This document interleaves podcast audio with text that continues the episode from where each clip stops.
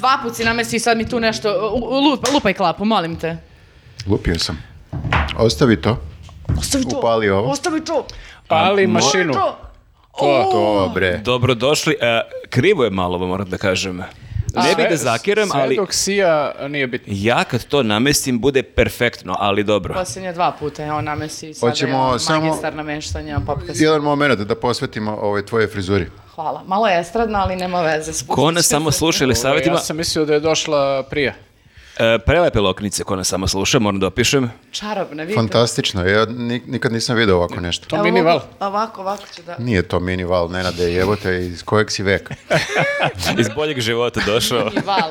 Ti si minival.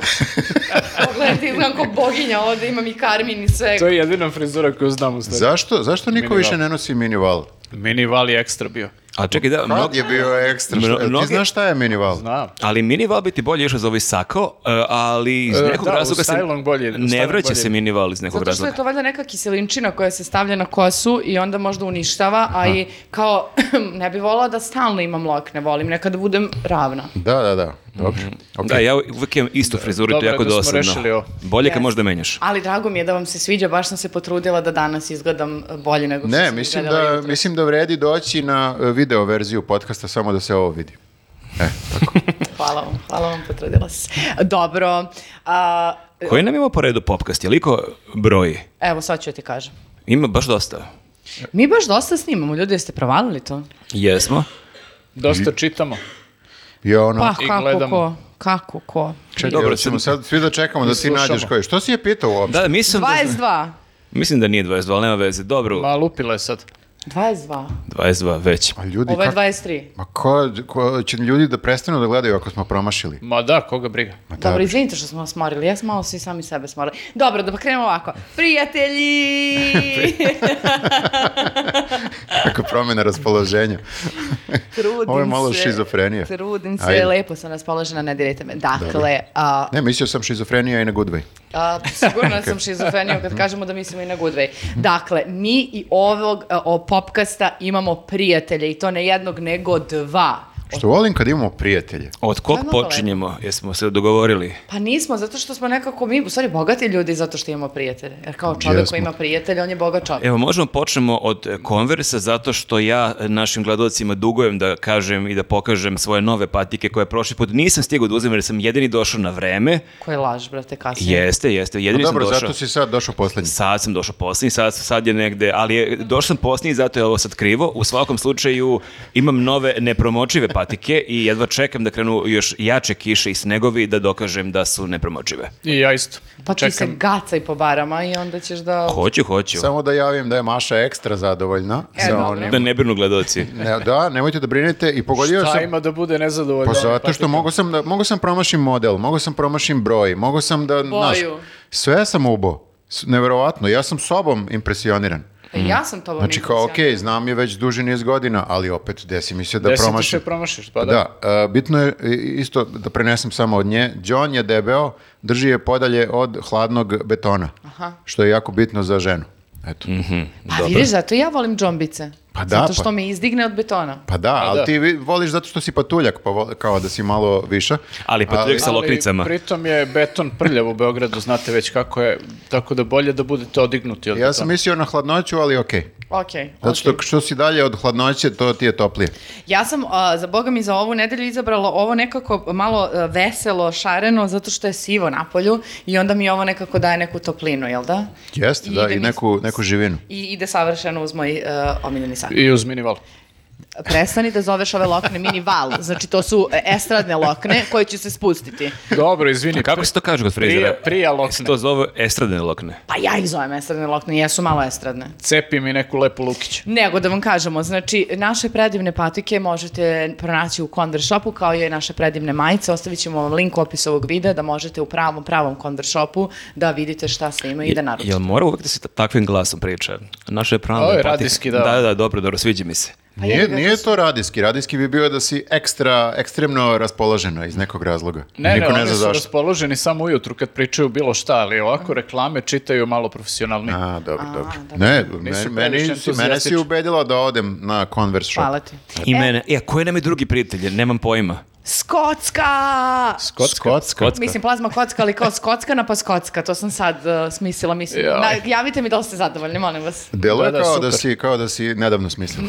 U- Ali to su uvek, u ovom naj- momentu. to su uvek najbolje ideje. Te prve ideje bez filtera su uvek najbolje. To uvek treba izbaciti od... To mi svi kažu. To uvek treba pred upaljenim kamerama reći sve. Da, znači, uh, plazma... News. News, news kockast. kocka, plazma skocka, uh, da, je novo pakovanje, ali ukusi, ukusi su nešto o čemu nismo dugo pričali. Dobro. O ukusima ne treba raspravljati. E pa Da. Treba, boga mi, u stvari. raspravljat ćemo. Aha. Izgleda da raspravljaju Ja sam ljudi. za belu kocku. Ja sam za crnu. Ja sam za... Mm. Za koju si ti? E, Crnu, crnu. Okej, ajde, To je ja ću legendo kažem. moja, legendo moja. Po- Oprostit ću ti što si me nazvao patuljkom, patuljicom u stvari. Patuljica, izvini. E. Ja uvek volim da pojedem belu čokoladu na zgražavanje moje žene. Aha. Ovaj tako da super je Ali bela onda ste plazma. kompatibilni, to je dobro. Najgore je kada se Pa otimate za jeste, isto. mi smo eurokrem. Ja sam čuo da bela čokolada nije čokolada. Nego šta je? A, ne, t- zaboravio sam.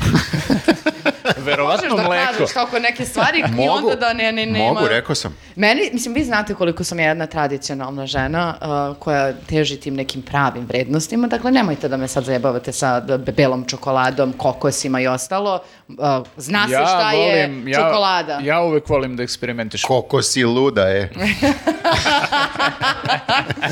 Ne, stvarno, meni o, em, em, mom senzibilitetu više prija o, ovaj... e, Senzibilitetu, okej. Jeste. O, izvini, Što bi molim. rekli o- ovi neodoljivi preliv od a, fine mlečne čokolade. E, to E, je taj pa glas. dobro, i ne, ja, ja sam suprotnost. Ja sam, znači, onaj kome mogu da uvale sve. Znači, sve novo što se pojavi, ja Tebi volim da bukvalno i probam. uvaljuju sve, ti dolaziš Da. uvek sa nekim artiklima koje nikad niko nije video. Jeste, ja volim da probam, znači, kad budu ove plazma kocka sa novim ukusima, sa novim, ono, Mhm. ž- plazma kad bude sa novim ukusima, kao što su sad izbacili evo, za novu godinu, sve to volim da probam. I često mi budu te, ove, a često to bude neki limited edition, ono, Aha. traje neko vreme i onda ga nema više, i, a meni se svidi i onda sam... Jel praviš ovaj, zalihe onda u špajzu? Pa ne pravim, ali počet ću. Pa ništa, ja mislim da ti a, da napraviš spisak nekih limited edition ukusa i onda lepo da pišeš ekipi iz a, Jedino. plazma kocke. Da ti Kažite mi daju- do kad će ovo da traje, da do tad nakupujem ili da me posle toga obezbedite vi, mislim. Pa ko ti je kriv kad voliš Znaš da ono, eksperimentaš? kako imaš one e, snimke stanova nekih celebrity, pa kao imaju čitavu sobu samo za cipele, a ti imaš ono cijelu sobu za čokolade, kekse Jeste, i jeste, to. ostale slatkiše. Oh yeah, this is where the magic happens. Ali ima ovako jedan zid kocke. Samo piče kocka, kocka, kocka, Samo kocka, kocka, kocka, kocka, da. kocka, kocka. Nemoj da donosiš u news, inače će biti još više limited edition. Kapiraš? Pa da, evo vidite na primjer ovdje, ovdje su kao reprezentativni primjerci uh, koje smo mogli da istaknemo, zato što već pozadi je neko otvorio. A da ne pričam da su nestale Ali kutije. nije niko od nas, Nije, rekli smo znaš ti. šta? Znači, Mi, e, malo je problem ovdje u redakciji, zato što mi dosta ovdje radimo i stvaramo magiju. Da, ovde neko i radi, znaš, onda mora da se trošimo jede. dosta a, mozga, a kad trošiš mozga, onda trošiš šećer i treba ti šećer.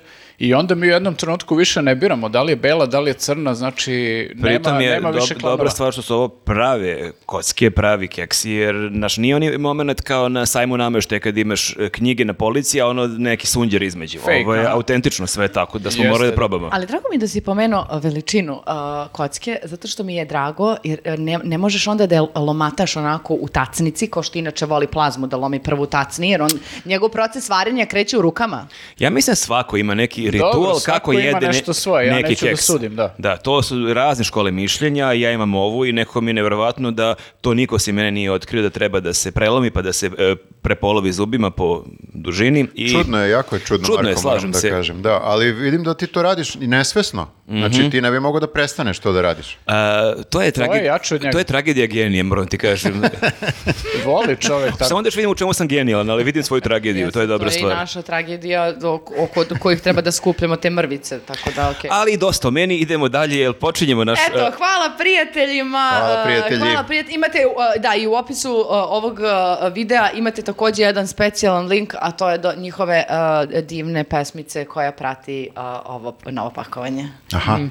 Kocka do kocki, kocki, to Jeste. sećate se. sećam se. Sećamo se. Mhm. se, Eto. sećamo se. Odakle sada počinjemo? Oćemo filmove, oćemo e, I ja što volim kako uvek, seriju. uvek je napeto na početku svakog podcasta biti? i uvek budu serije, ali uvek imamo tu dramu. Šta ćemo sada da pričamo? Pa hoćemo onda da Ajde da obrnemo. iznenadimo sami sebe.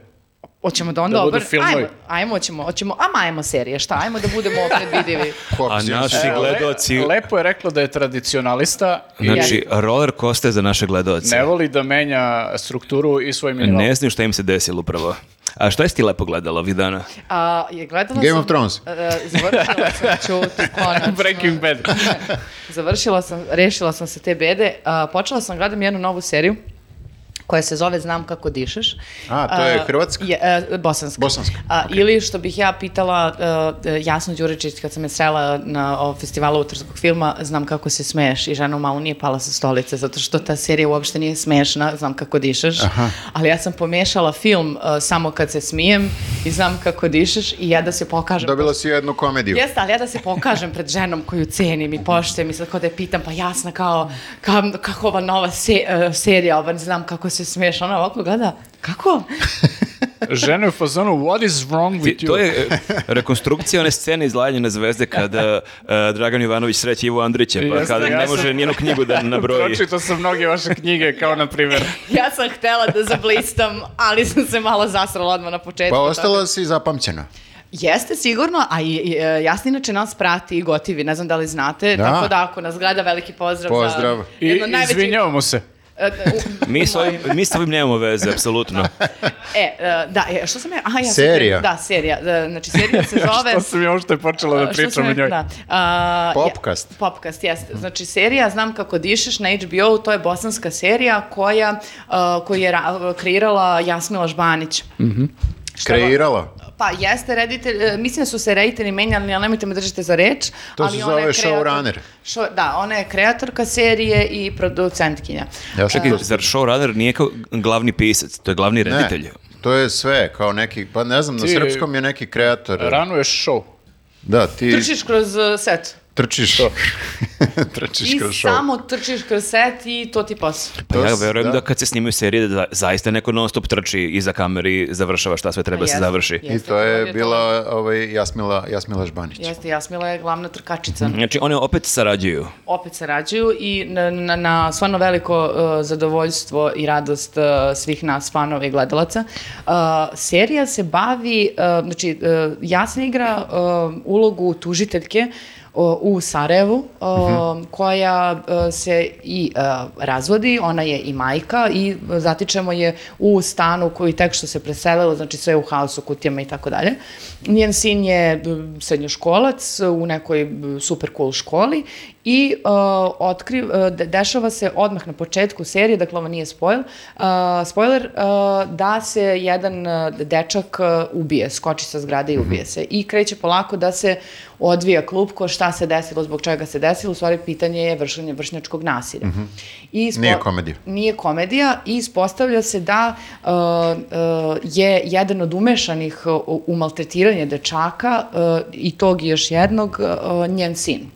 I sada je onako vrlo zanimljiv taj moment u kojem ona kao tužitelj koja kaže ali ja verujem činjenicama i sada je pitanje poverenja u rođeno dete i, a opet njeno isk- uzima, uzevši u obzir i njeno iskustvo kao tužiteljke koja je videla razne Mhm. razna sranja koje kao su deca spremna da urade drugoj deci, počinje i ona da sumnja i da kao tu sada ispituje ispituje stvari.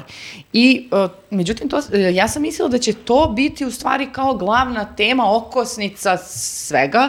E, e, ser- e, serija, epizode izlaze svakog četvrtka, dakle, e, ja nisam pogledala tu e, najnoviju e, koja je sad izašla. A, Ima tako ih da- beše šest, ako sam do- da, dobro čuo. Da.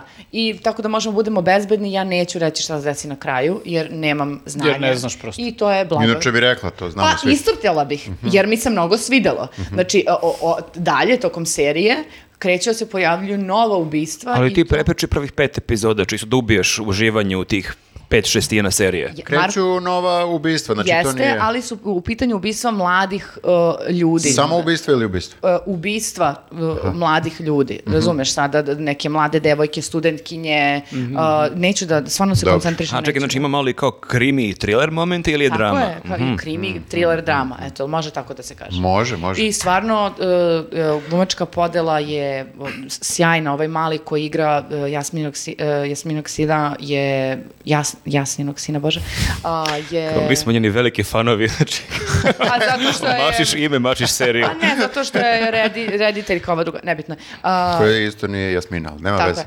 A, on, stvarno je super glumačka podlela, Ermin Bravo je tu, Boris Isaković, e, još e, mnogi bosan, e, bosansko-hercegovački glumici i glumci koji su, e, koje neke sam nekad davno, naš ono pogledaš u nekim filmovima, a sada su baš ako imali i čak i te epizode su urađene Mhm. odlično. I to mi se isto sviđa, zato što to je jedna od onih serija gde nema kao imaš e, dva, tri glavna g- glumca u seriji i oni blistaju, ovi sa strane popunjavaju, ono, samo izgovaraju replike, nego je svaka scena odlično odrađena. I stvarno, generalno, ta tema vršnjačkog nasilja koja nam je sada posebno, nakon svega što se desilo ove godine, užasno nekako u, u piku i važna je. Uh, m, na dobar način, naš ono prispituje kako je moguće, naš, da li, šta primećuješ kroz svoje dece, kako kako se oni ponašaju, jer kao no, ti pitaš a vrati pa kao kakav je on bio, oni su fazon, on je bio skroz normalan, ništa se nije videlo, pa onda preko u- profesora, učitelja, ti skapiraš da ovaj mali ipak nekako kopnio, ali to nikako nije, nije mogao se vidi.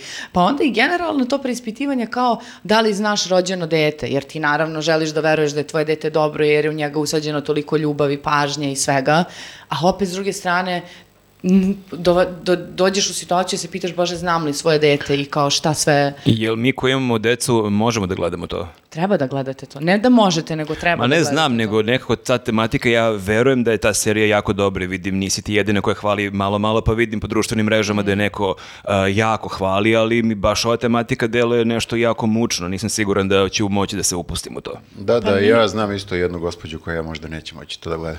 Pa šta znam, mislim, nije, nije toliko mučno koliko je poučno i koliko postavlja važnih pitanja. Nije... Ovo bi bio dobar slogan, nije mučno, ali je poučno. Pa, mislim, Rimuje se. Da, eto, iskreno, to, to je naj, možda najbolji, najbolji opis, jer sad to nije, znaš, e, ti sve te stvari znaš, ti ni- nije sad kao prvi put da ćeš da čuješ da su kao klinke studentkinje krenule da, ne znam, a, rade kao neke escort dame i da sedu u nekim e, fancy restoranima da bi dobile, ne znam, I toga ima u seriji. svega ima u seriji a, i sve ti to znaš, ali samo sada kada to pogledaš iz ugla onog najčistijega, to je odnos roditelj-dete, ti onda bude onako ko još e, z- značajnije. I plus naravno ako tu sad dodamo i a, korupciju, ljude na, na pozicijama moći, e, a, kako se ljudi u sistemu koje je potpuno oronu, a to su ono o, pravosudni, prav, ceo pravosudni sistem koji je, mislim, nije preterana razlika između Bosne i nas kada je to u pitanju. Znaš, kao, imaš ti sad neke pojedince koji tu cimaju nešto da rade, imaš ove koji samo gledaju da jure z- rezultati, da napišu da su nešto super završili u izveštaju i kao to je to, nema, boli ga suštinski uvo. Ali uvek imaš te neke ljude koji se cimaju u, u kako bih rekla, u skladu sa onime što imaju. Tako da više slojna je, nije sad kao samo tragedija i, i to, ali... sp- Mhm. Ali nije komedija. Ne, nije. Kad to. ćemo da vidimo od Jasmile neku komediju?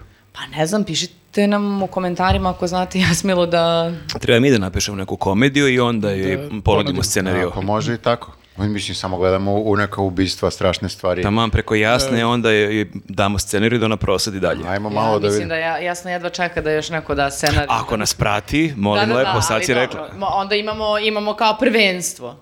Imamo pre- da, mi imamo prvenstvo. Mm. Prednost. Ništa, prekidamo i popkast idemo da pišemo. to je bilo sve za ovu Moram- nedelju. Da, ali moram samo još jednu stvar da kažem. Tako mi se svilo zato što znam da su kao glavne teme to odnos eh, prema sistemu, Društvo. pravosuđe, društvo, deca, ovo ono. Ali ima tako nekih divnih trenutaka kada ona postavlja pitanje kao, pošto je samo što se razvela i onda je ne, sada non stop naravno kako ovo društvo eh, ima taj teror uparivanja, razumeš, da ne može žena. I onda nam to tako pita, dobro, mogu li ja biti sama malo? Mislim, kao da se odmorim i od muškaraca i od dejtovanja, sve. Kao, pustite me ljudi, jebote, samo što sam se razvela, kuća mi se ovde raspada, vidi dete. Opet Miley Cyrus.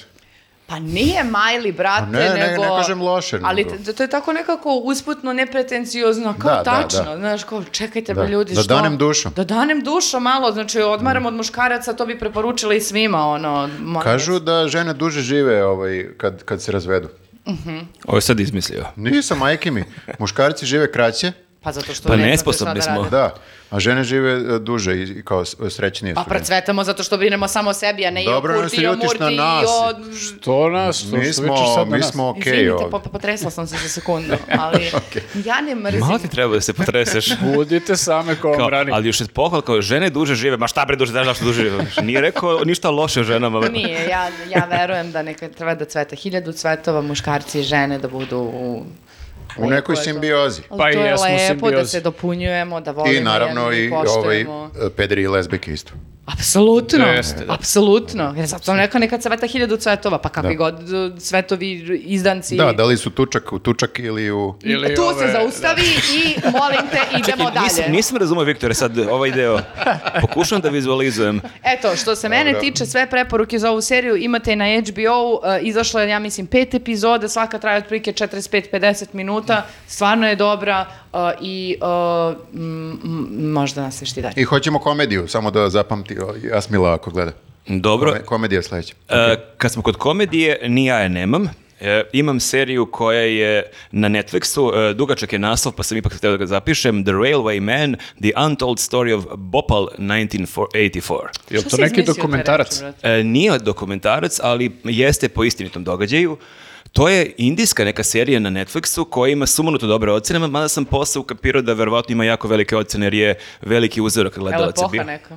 E, pa 1984, dakle, dešava se kao što ime kaže 84. godine i ona, ko recimo voli seriju Černobil ili pa čak i ovi posljednji Bijelin film, koga zanimaju te neke velike tragedije, to jest e, serije i filmovi po nekim istinitim događajima, kad su u pitanju neke velike tragedije, ovo je prava serija za njega, u pitanju je tragedija za koju nisam pojma imao da se desila 84. godine. Zato što je Černobil e, nadmašio. Pa to je bila baš jaka neka decenija izgleda, očigledno. Da, to je, Eksperimentisala se. Jeste i vrlo je sličan, vrlo je sličan e, razlog. e, Ovdje je bila neka velika fabrika gdje je curio plin i taj plin je u roku od jednog dana, pritom je fabrika bila sagrađena u tom nekom mestu, što u startu je, nije bila preporuka, trebala da se sagradi negde van, nase, na van bilo kog naselja, ali su računali ono, valjda se neće... Šta ni- može da se šta desi? može krene po zlu. Ba. I krenulo je po zlu, da, curio je plin i 15.000 ljudi je umrlo u jednom danu. Ujebote. Mm, Da. Pa dobro, da, mislim, to je malo problem tih velikih zemalja, jer tu uvek imaš ono igru velikih brojeva, uvek nastrada mnogo ljudi, šta god da se desi, to je... Jeste, jeste i serija je e, na momente jako mučna za gledanje jer stvarno još ja budala ja imam tu neku naviku da često gledam serije uz e, do- doručak ili uz večeru znaš ja sk- kao, napravim sendvič i postavim tablet i koja je malo da gledam seriju ovih 20 minuta ono Kao deca. kao dece da da da se igram da, ali Što se zove Railway Man? sad ću da kažem. Aha, izvini. Uglavnom, O čemu se dosta ima, dosta ima tih kadrova gde ljudi leže mrtvi, polumrtvi na ulici, tako da moje preporuke, gledajte seriju, stvarno je dobra, ali nemojte da jedete dok gledate seriju, a zove se The Railway Man zato što iako i u osnovi serija govori o toj velikoj tragediji, ipak nekako akcenat je na tom herojskom činu i serija koliko god da je teška i mučna, jer ti znaš da se to stvarno dešavalo, da se desilo zapravo, ipak je akcenat na tim herojima, a heroji su upravo bili lju- ljudi iz železnice. I dobar deo serije se dešava na, želez- na železničkoj stanici u tom mestu gde šef te stanice, šef smene, sa još par ljudi pokušava da spase te ljude. Oni su ubrzo shvatili da ukoliko staviš ako navlažiš neku krpu majicu, ako to staviš preko nosa i preko usta, da to ne može da te sad spase, ali može da, o- da produži taj neki period, da odloži. Tako da su onda oni imali drugu dilemu kako da sad te ljude na stanici, kako da ih spasu, onda su oni shvatili da ako su zatvoreni u nekim sobama, ako ne, ne- nisu imali srećan graf u ekipi koji je non-stop luftira nešto, tako da ako zatvore prozore da mogu također još neko vreme tu da borave.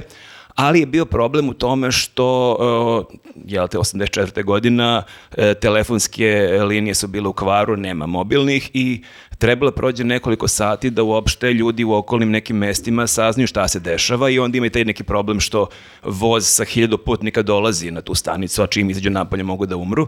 I onda se dešava to zapravo da e, akcenat serije je upravo na tome da su ljudi iz železnice, iz raznih o- okolnih gradova krenuli da pruže pomoć i to su krenuli uprko s nekim savjetima ministarstva da, da to ne rade jer su oni imali rezon ove ljudi umiru pomiru ali ukoliko vi tamo dođete bit ćete mrtvi čim stignete ali i pored toga ovi odlučuju da, e, da probaju da spasu te ljude. Tako, Čekaj, izvini, koliki je to e, grad ili mesto? pa to nije neki jako veliki grad. Ali, Ali- Kao za to se Indiju- na, na celo mesto A proširilo? je li serio ili- tu snimljeno? Je li se oporavilo to mesto ili... to mesto malo vidimo kako je bi- bila par godina kasnije, nije se baš oporavilo i i ima neka scena, kratke scene, par godina kasnije kako žive ti preživeli, to je baš jezivo šta se tu dešavalo i zapravo pokazuje koliko je taj ljudski faktor, koliko je bitan. O, s jedne strane, serija jeste o herojstvu, ali ceo taj problem u mnogome nastao zbog ljudskog faktora. Prvo zbog te neke američke kompanije koja je u startu znala koliki su tu rizici, ali ih je bilo baš briga, rač- računali si valjda neće i čim dolazi do tragedije, taj njihov direktor, direktor odmah gleda kako da se opere, kako da ukaže do pitanju neka sabotaža, da to nije ništa do njega, a ov- dobio je razno upozorenje i počinje serija tako što mu ljudi govore da ovo, ovaj aparat ne radi, onaj aparat ne radi, neko sve se u startu raspada i nekako je pitanje dana bilo kad će se to e, do- dogoditi. A On je u fazonu not great, not terrible. Pa jeste, dosta podsjeća e, e, taj neki mentalitet. Vidi se u startu koliko su oni imali skraćenu obuku, koliko nisu bili adekvatno spremni, koliko i kada je dolazilo do neke e, vanredne okolnosti, koliko ljudi koji to rade uopšte ne znaju šta treba da, da učine, jer nisu učili, jer neka obuka koja je trebala traje ne znam koliko nedelja, nisu sabili se tipu par dana, a ima ta neka scena, mislim, e, mučna je scena, ali sam se setio kad je Đuričko bio kod nas, kako je pričao o nekim šablonima u partizanskom filmu, pa je rekao Mhm. kako kad imaš u partizanskom filmu neku scenu gde neko kaže e, moja draga, ja čekam u Čekamo bebu, dete, da to- znaš da je lik znaš da je ćao. gotov, da. i ovde isto ima neka scena na početku, neki čovek je tu u fabrici i kažu je, on i njegova žena končno nakon mnogo godina čekaju bebu, je rekao, ok, ovi lik je Mhm. ćao. Tako da, mislim, Jeste, imaš te paterne. Imaš te neke paterne, e, dobre serije, zaista nekako jeste teška za gledanje, ali ipak nekako imaš, pogotovo u posljednji epizod, imaš te neke baš onako ložačke momente gde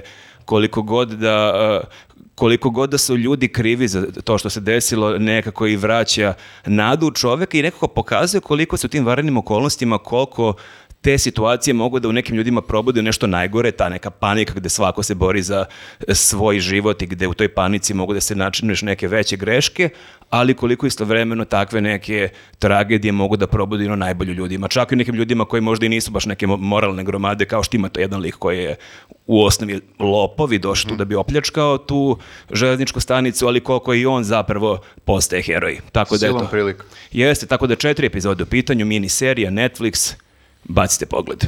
Ako, ako niste gadljivi. Ako niste ga... I nemojte uz doručak. Nemojte uz doručak. I ugasite plin.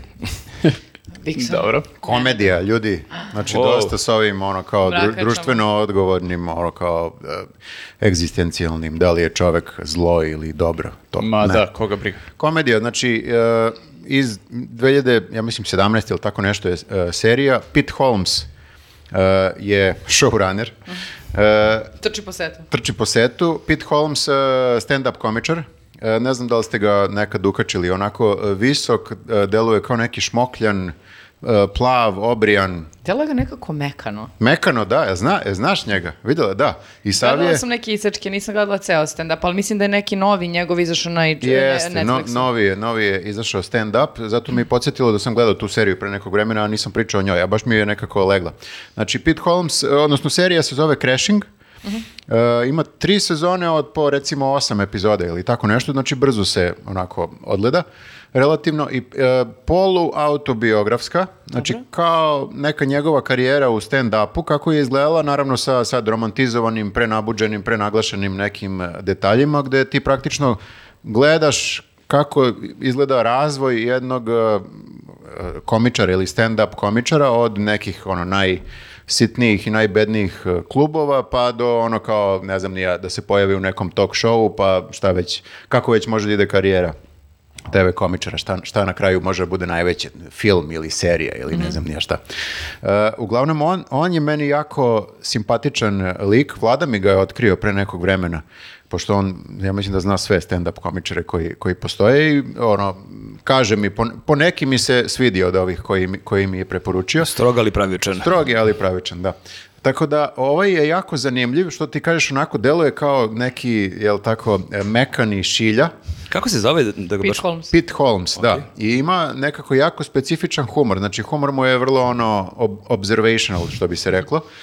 I prilično je čist. Znači, ne, ne psuje mnogo, ali sad sam primetio da je počeo da psuje sve više i više. Znači, i on se opustio, plus dolazi iz neke onako a, hrišćanske a, porodice i vrlo je neki taj hrišćanski odgoj i dosta ima zezanja na račun E, Ne na račun hrišćanstva, nego na račun toga kako ljudi doživljavaju hrišćanstvo. Znači, malo ima i odbrane e, hrišćanstva, što je jako zanimljivo i ja mislim da je jako teško nekako to provući kroz e, komediju. Ima toga dosta i u, i u seriji.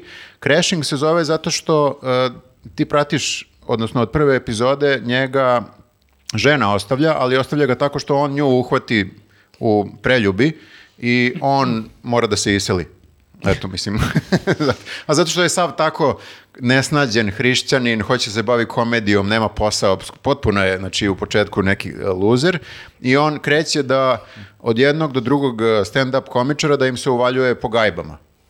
E, I to je kao crashing, da ti crashujem na, na kauč. I eto, ta, to je, ovaj, mislim, A pored znači, toga- pojavljuju se neki poznati Da, komičari. da, da, pojavljaju se dosta nekih poznatih komičara, na primjer Artie Lang je uh, jedan, od, jedan od poznatijih, kao i ovaj um, iz Silicon Valley-a, TJ, zaboravio se kako se preziva. A onaj Riđi? Miller, da, TJ Miller. Miller, Mhm. Uh, Artie Lang je jako zanimljiv, zato što je on bukvalno sušta suprotnost ovom Pitu Holmesu, on je ono, nekoliko puta umalo overio od kokaina i skroz Nije je- baš hrišćanin. Ne, uopšte nije Ali hrišćan. nije bilo vreme posta. Ne, da, bilo je sve po ps Tako da, zanimljiv je i, i njihov odnos, što verovatno nekako i pokazuje kakav je njegov bio e, put kroz te neke stand-up vode, je gde on upoznaje gomilu ljudi koji su potpuno suprotni njemu u smislu načina na koji su odrasli i na koji su došli u komediju i, i ostalo. E, eto, to, to mi je bilo jako zanimljivo. Ima baš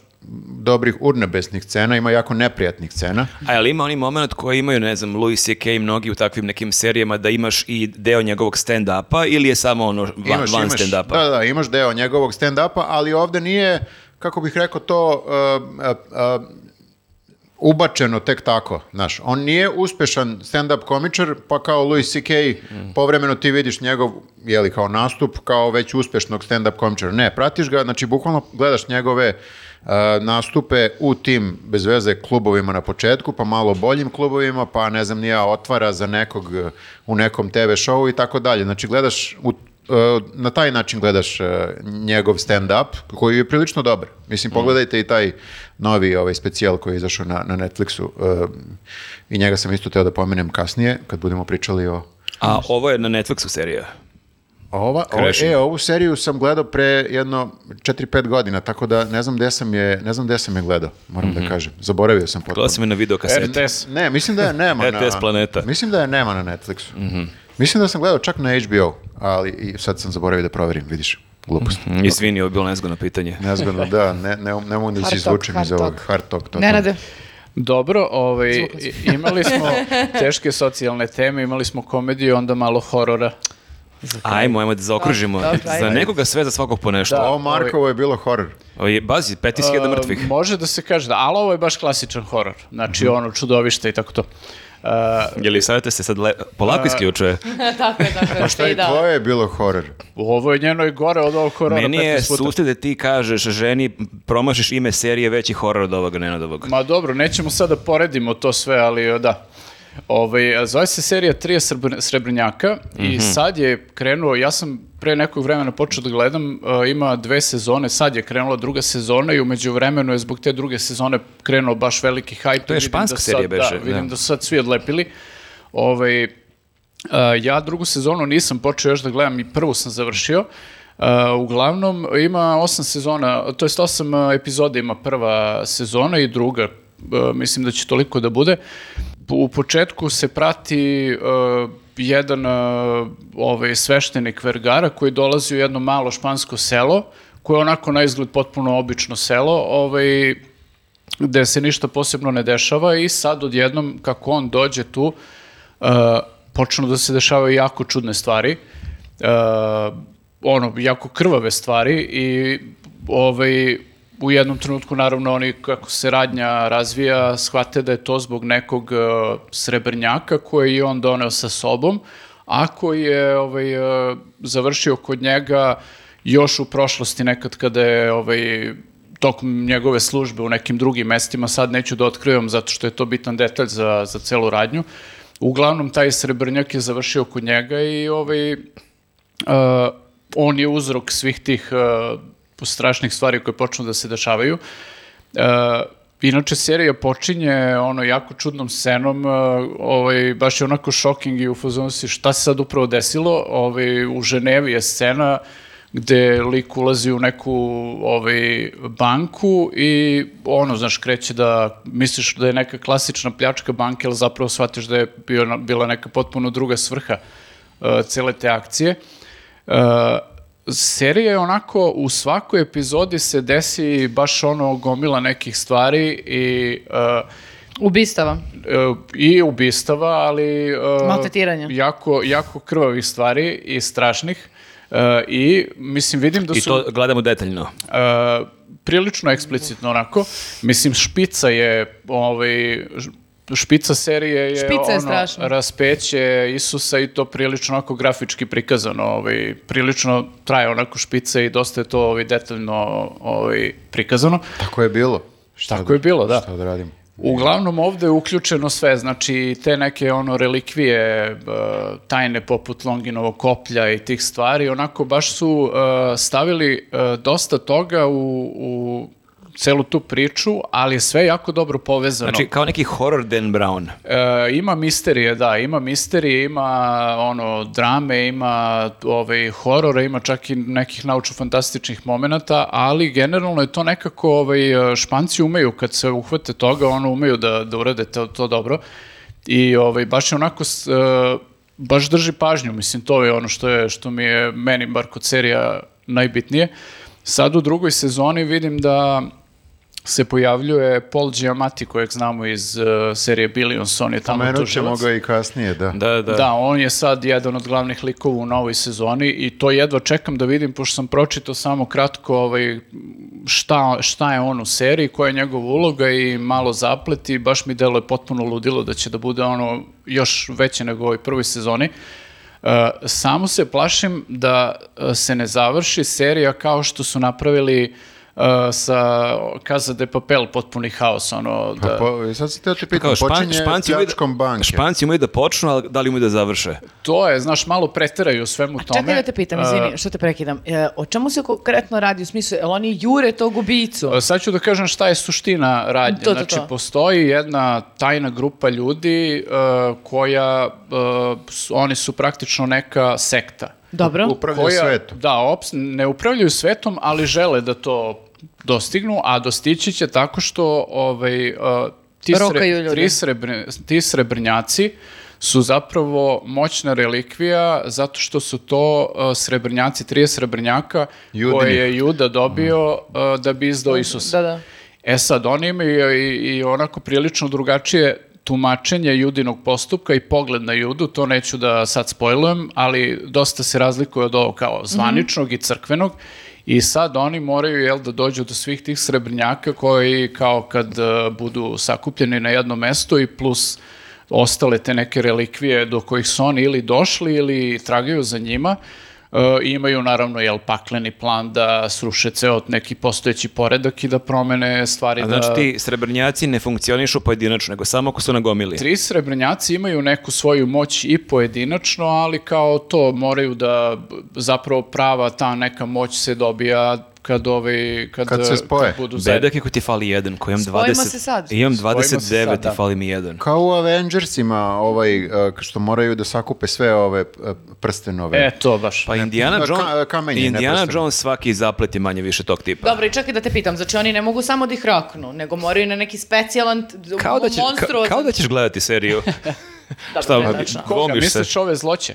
Zloće jeste, znači on te ubije, onda ti te- stavi srebrnjake problem na tebe. je, problem je sa zloćama što oni imaju, oni su već sad dosta moćni i ovladali su raznim stvarima, mogu ti suvuku u glavu, mogu da se materializuju gde god hoće, znači imaju već sad dosta nekih zajebanih moći, A ovaj uh, Vergara, taj uh, Glavni sveštenik, uh, nije on glavni zločin, on je Dobar. jed- on je dobar.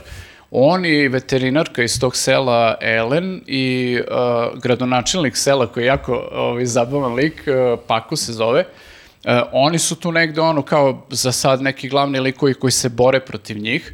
Uh, ovaj, samo što uh, u jednom trenutku, znaš, e, mislim, nikad se ne zna e, i to je jedna od ono manje više klasičnih stvari za takve serije, gde može da se desi da, ne znam, a, a, zaposednu bilo kog od glavnih likova, pa da on uradi nešto loše, razumeš? Kao Voldemort Znaš, u Harry da, Potteru. nikad nisi načisto ni sa tim.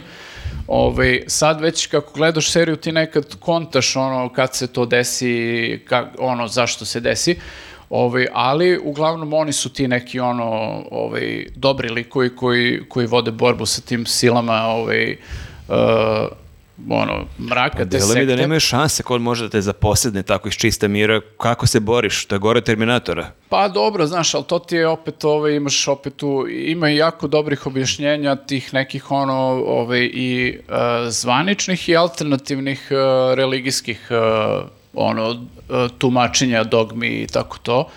Ovaj, ako imaš nešto što zvanično važi, oni ti daju neku alternativnu verziju koja je onako prilično zapravo dobro osmišljena, a koju ta e, sekta, ja sam sad zaboravio kako se zo- zovu, tačno neću da lupim, ali kao oni imaju... Iluminati. Nisu Iluminati, neko drugo na... Templari. Na, na K je neki naziv, ali ne mogu da Kiluminati. O, k- k- Kemplari. Kemplari. se... Dobro mi da... Možemo mi još samo nam Uglavnom, malo... uglavnom imaju, oni čak imaju, e, toliko su tu svoju neku doktrinu praktično razradili da si ti u fazonu, ok, ovi likovi kao i nisu loši, ali zapravo... e, Sve je obrnuto, sve su obrnuli, imaju paralelnu religiju Jest, svoju. praktično Kod da. njih je Juda cool lik. Znači, nije ti malo, što, Nenade, što slušaš satanističku muziku, nego gledaš i serije koje preispituju Bibliju i, i judinu ulogu. Ne gledam samo ja, ova serija je trenutno hit, vidim da je potpuno ludilo. Pa to nastalo govori kad su gde ovaj izbacili svet, novu gde sezonu. čovečanstvo srlja. Pa nek se zapita religija što ljudi vole ovakve serije. To je Nenad rekao samo da vam kažem, mi smo Ali, tradicionalni, ja sam- pošteni, Bogu- Bogugod- hrišćani. Bogugodni podcast. Ja sad ne znam kako će da se završi serija, ali ja To je nije loše, jer, pretpostavljam da... e, mnogi naši gledalci imaju šta da ti kažu zbog toga. A posljedna scena Slayer, on ulazi iz leve, st- s leve strane. To nije spoiler. Jeste. A mi je Ja, super. Jeste, spojlovo si, jeste, brate, spoiler. više Meni nego je ja. super što si sad opisao prvu scenu serije i nisi je opisao do kraja, a posljednju scenu seriji koja ima 50 sezona si opisao do detalja. Dobro, pa... nisam dobro, opisao, ali ne, je- nisam opisao poslednju scenu do detalja. Ali sad ću. Dakle, kreće Slayer. ne, ajde samo, mislim, ja sam rekao jedan eh, baš detalj iz te Ali serije. E, dobro, i meni je to, To je slatko, detalj, ja to znači, nije razumem, zato što nam apsolutno- se sviđa, volimo. Svako ko je gledao seriju, eh, jasno Zna mu je da, da- nije zna- spoiler. Zna da jeste, ali...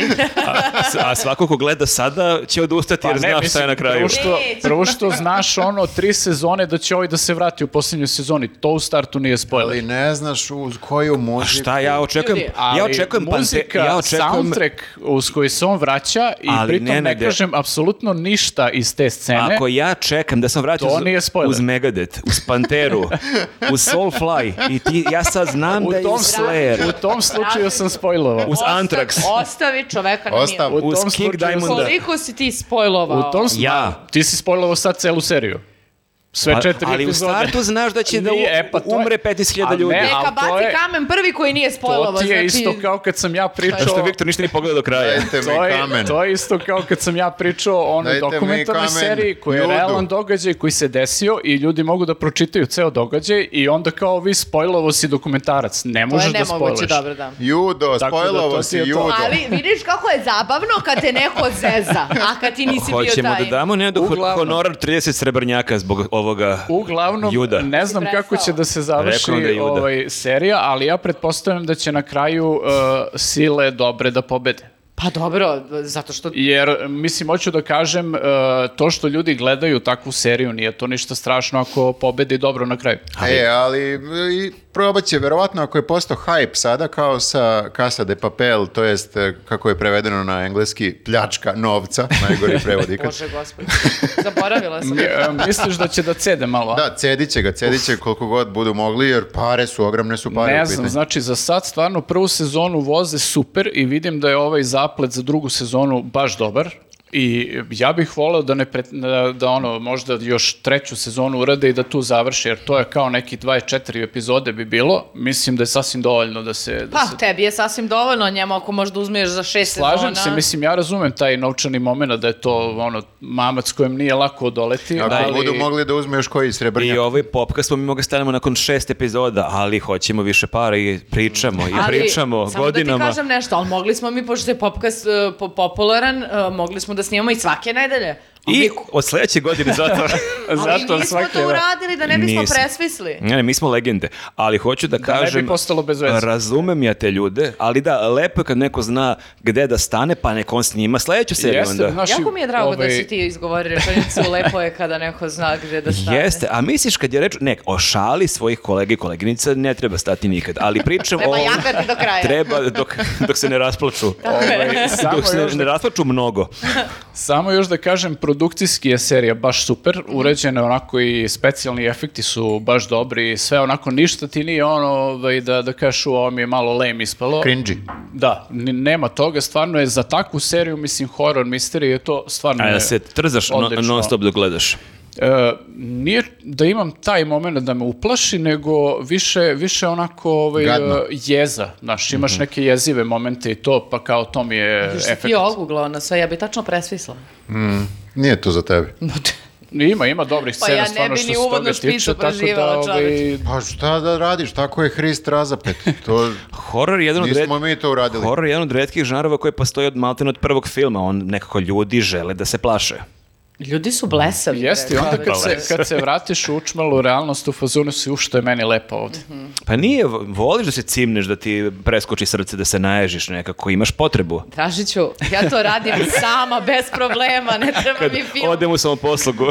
Tako je, kad izađem na ulicu, kad sedim Šokiram sama. se jer- kad vidim cene. Da, kad sedim sama i razmišljam, ja se ono, cimam i Ti bi te- poskakujem. trebalo bi da napraviš neki, neki, neki ovaj, eh, horror eh, seriju neku ili film, da budeš showrunnerka. Neka, Ali neka. to, Ali to devojka bi- sedi na gajbi, to bi i bilo gleda ono- TV, to je zaplet. To je neki Horror. anks. Horor bez mnogo sikiracije. Novi žan, horror ranks. Anks, pa da, da, da, krik. Dobro, okej. E, ok, šta ste gledali od filmova?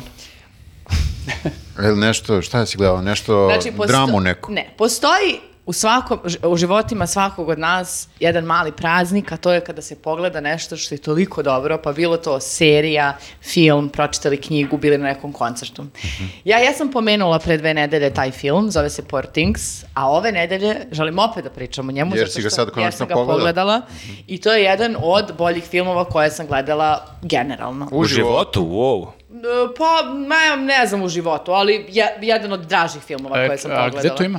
A, to je bilo na festivalu autorskog filma Aha. i ja se nadam... A, imam i specijalnu e, informaciju da će od februara biti u bioskopu. Jer ja sam hteo da ga gledam i nisam mogao tog dana kad je bila posljednja projekcija, smo Viktor je gostovali u jednom podcastu i nisam mogao to da pomerim, ali sam čuo da će biti u bioskopima od februara i baš se radujem jer od više ljudi sam čuo da je baš onako Jel remake ovo delo. je ekskluzivna informacija sad što si podelio s nama? O, fuck. E, načuo sam, navodno, navodno će Navodno. biti od februara. Ne, ja bih voleo da je ekskluzivno, da mi imamo neki put neku ekskluzivnu informaciju. Možemo O ovako da čemu sad se iskoči radi? neka a, u, u montaži, da iskočimo ekskluziva. Ja znam samo da igra Emma Stone. Tako je. Emma Stone je e, i glavna glumica i producentkinja, Jorgos Lantimos je reditelj, Rek- on je onaj e, režirao... Lobster. A Lobster, The Favorite uh, i The Killing of a Sacred Deer, tako nešto, najbolje. Uh, u filmu igraju još i Mark Ruffalo i William Defoe. Mhm. Uh, I film je uh, jedna oda uh, ženskom, kako bi re, ženskoj spoznaji, seksualnosti, oslobođenju. To treba da bude ono... Nemoj se dernjaš, izvinite, alo. uh, proglas ono feminističkog pokreta, a ne Barbie. Ne, ra- a, Pa Pored čekaj, žive Barbie. čekaj, ne razumem. Ajde, e, kako... Meni je Barbie vrhunac feminizma. Šta su, šta Pa su to kad uspeli? mi- Mi, mali Đokica kaže šta je njemu, briga, unijete mi Pa igra. čekaj, kako može bre, jel mo, jel u stanju muškarac da snimi film koji je najfeministički film svih vremena? To je Ne, mansplaining. Ne, čekajte, čekajte polako, znači ne kažem da je ovo najfeministički film Bukvalno svih si vremena. rekla oda feminizmu. Oda feminizmu jeste, ali to ne kažem da je jedina oda feminizmu, nema mi stavljati reči u Dobro, usta. to i hajde da se volimo. do, do, ok, i vruć vetar. A, nego, znači, a, film je neka onako, kao neka izmišljena, jedan izmišljeni svet, a onako neka viktorijanska era, ali prestilizovana. A ti voliš te epohe, da?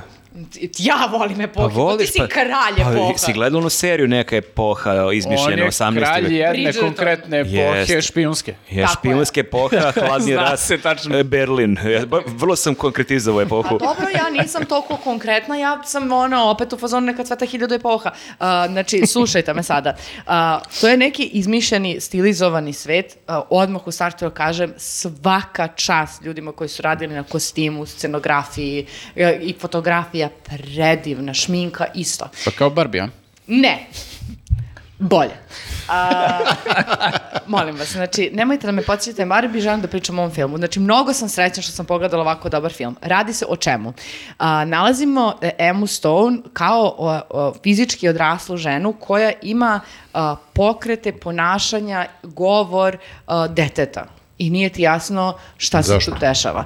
A, ona je u kući a, doktora koji se zove, e, kao ona ga zove Gad, e, to je e, William Defoe, koji je kao neki Frankenstein izdeformisan i on je doktor koji eksperimentiše, To je horror. nije horor, Okej, izvini. To je distopija.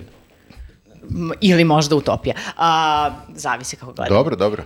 On je Elephant Man. E, n- molim vas, znači on je čovek koji je e, faktički, mi saznajemo, ja ću se jako truditi da ne spojlujem, ali ovo mogu da kažem, ja mislim. Znači, on je faktički njoj, e, o- nju spasio, pronašao je polumrtvu a, i e, ona je bila trudna i onda je mozak njene bebe stavio u njeno odraslo telo. Pa jevo tako. I E, tebi I to nije horor. elektrošokovi, ne, Dobro. zato što onda vidimo ženu kako spozna, kao odraslu ženu koja spoznaje svet bukvalno tim detinjim očima i kako upravo kroz spoznaju svoje seksualnosti i istraživanje sobstvene seksualnosti doživljava i intelektualni i fizički i mentalni procvat. I to pravo da ona može da eksperimentiše kako god ona želi. To je isto jako bitna, bitna stavka.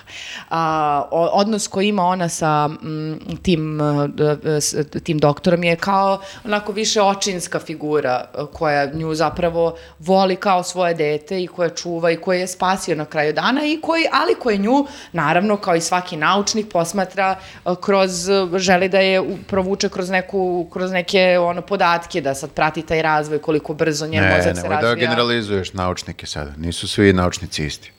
A, dobro, svaki naučnik je poseban. na svom Ovo više liči na Viktora Frankensteina. Pa da. Ok, ok. I uh, zanimljivo je taj Mark Ruffalo igra mm, e, ulogu, mislim, nekog e, advokata koji se tu pojavljuje i koji je naravno, ali on je kao frajer šmeker, on je tu zavodi i poklapa se naravno sa momentom njene uh, otkrića, e, njenih, kako bih rekla, em, seksualnih nadražaja u predelu e, Genitali. genitalija, jeste, koje ona sama otkriva, ali onda shvata da kad tu još neko dođe pa tu nešto pipne ili nešto tu se ona sedne, da to bude još lu- veće ludilo, kapiraš? To je horror pornić. E, I ona, od, ona odlazi sa njim uh, na uh, putovanje, e, kroz to putovanje ona zapravo i ceo taj muško-ženski odnos i način na koji ona njega, kako bih rekla, razjebala, a, je fantastičan. Pa je on pedofil? Ne bre, ona je velika žena, razumeš? Ali ima mozak deteta. Pa on to ne, on ne, on ne, ne, ne, nije dobro. Pa Pa jel mislim. pričaju o nečemu? Priča, ona govori, razumeš? A ne znam da govori, ali šta govori? A da, a, govori i da, e, isto je to, e, to sam malo e, čitala malo pre, pošto sam htjela čisto da kao istražim, mm, znači film je pod, podeljen kroz nekoliko etapa u smislu da ti pro, e, provaljuješ po tim etapama njenu e, evoluciju kao, o, kao, kao, ž- kao žene, e, u smislu načina na koji govori, koji po- ima pokrete, na koji, ho, e, koji hoda, percipira stvari i tako Znači, dalje. E, mi nju pratimo faktički ne- nekoliko godina. Ne, mi pratimo nju o, u, u tr- pa ne Jer nekoliko kažeš da govori kao dete u početku, a Pa kasnije da, kao ali devojka nisu već. to e, godine, mislim da je to sad neko vremensko razdob- razdoblje, ne znam, nekoliko meseci možda, ne bi sada da kao, nisu godine u pitanju. A, A, ili možda, ali nije, mislim, nisam to po- kroz film primetila, ali postoji neki vremenski okvir kroz koji se ona kreće.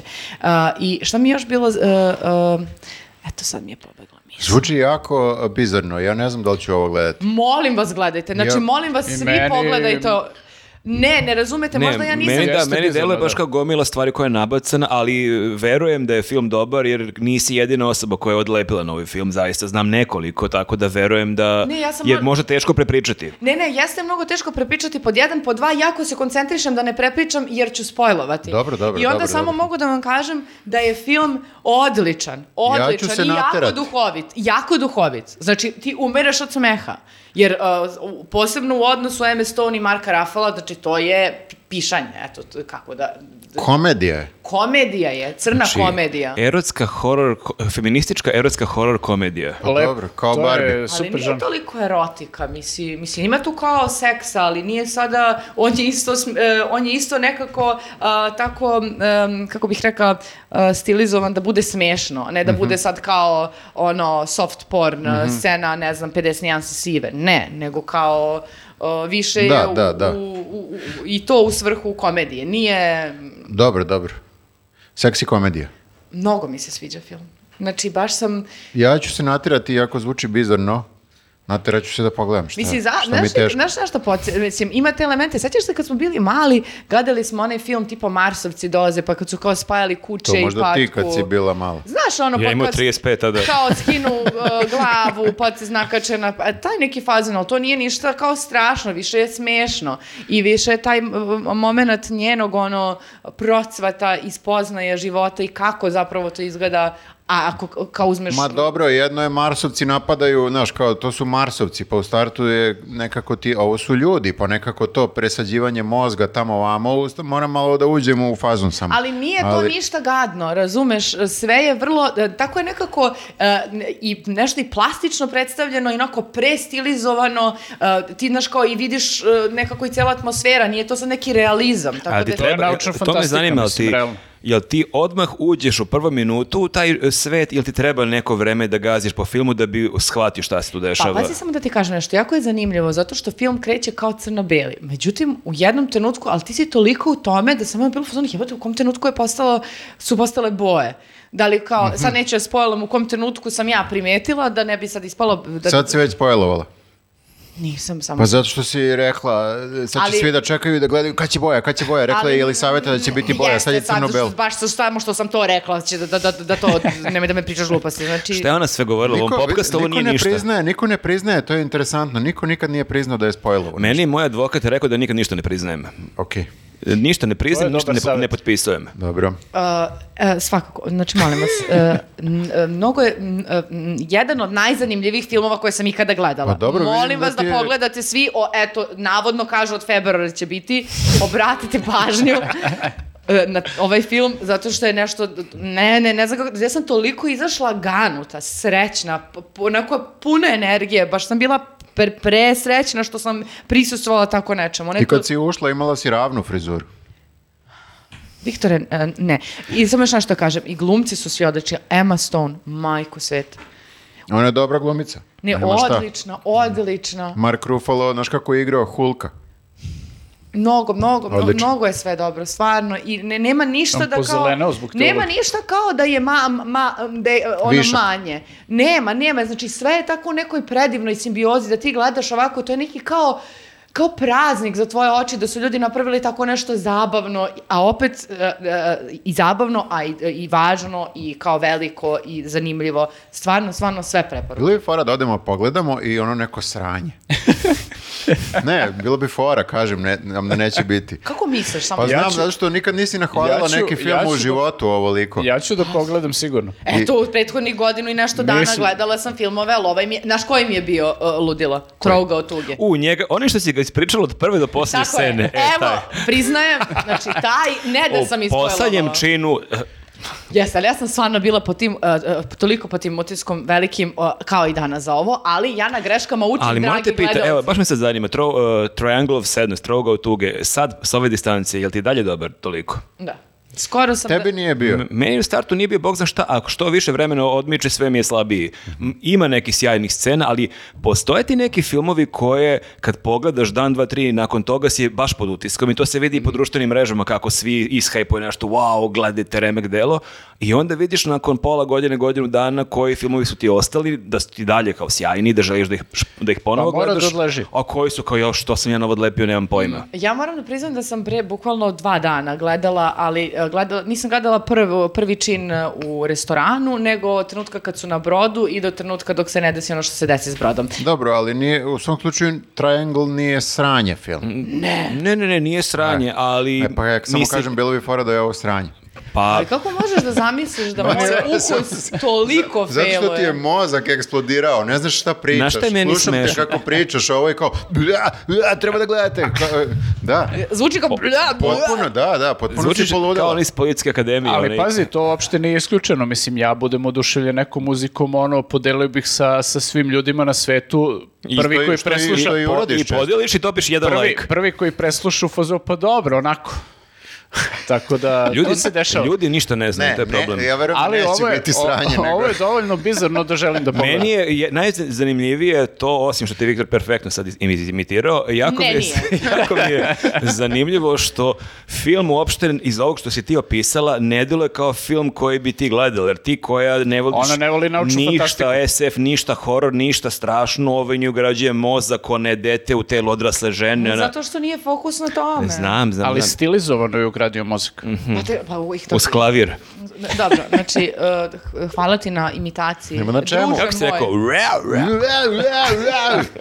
Ta- ta- da, evo, Koji je loš čovek. Znači, stvarno nisam zaslužila. Ne, ne, ne, uh, ja, ovo je pohvalno, ti kažem da ne mogu da verujem da je neko tako Znam te izreklam, imitirao ko, izreklamirao. im- imitirao te ko majmun i kaže, ovo je bilo pohvalno. Sam se izvukao. Ne. Jesi, Viktor, kidaš ovo izvinjenje. Baš si nahvalila film. Jesam. Nikad nisam uh, vidio da je neko toliko nahvalio film. Eto, to sam sve. To sam- da, tako da hoću da kažem, evo, e, ukoliko vam ovaj Elisavetin opis nije, ne zvuči kao, wow, ovo baš želim da gledam, ovoliko strasti imati u opisu nekog filma nešto govori, tako da nek to bude I preporuka. molim vas, znači, uh, sad ste u obavezi, vi koji gledate ovo, da napišete u komentaru kako vam se sviđa film. Znači, nikad vam ne tražimo da napišete kako vam se sviđa film. Za ovaj morate, za ovako... Ali sačekajte februar, nemojte da ga Da, moraju da piratizujete. pogledaju, da. Pa Jeste. ne, u februaru, okej. Fe- navodno u Pa i februaru. dalje će biti ovaj video u februaru. Da. Neka Vratite dođe se- u februaru novi video i neka Vratite se ovde prokomentarišu. i u komentaru. Znači, o- o- ovakva reakcija, o- ovakva euforija zaslužuje. Istina. I bilo bi samo jako teško kao citat staviti, rekli su o filmu rau, rau, rau, i Elisavetin Miletić. Testimonijal. Rekli su o feminizmu. Uh,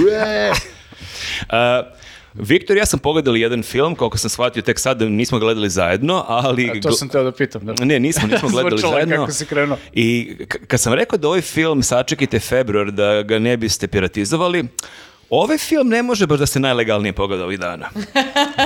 Ako me razumete, ali uh, Bog mi je svedok da, da sam imao dobru nameru. Ja sam hteo da odem u bioskop i da pogledam Napoleona i baš sam teo dan, dva pre snimanja ovog popkasta da odem, ali neke privatne stvari, obaveze oko dece i ostalo su me osujetile, tako da nisam mogao da platim kartu i onda sam morao da skinem film sa interneta i to sam skinuo film zato što sam od nekoliko ljudi čude film sjajan.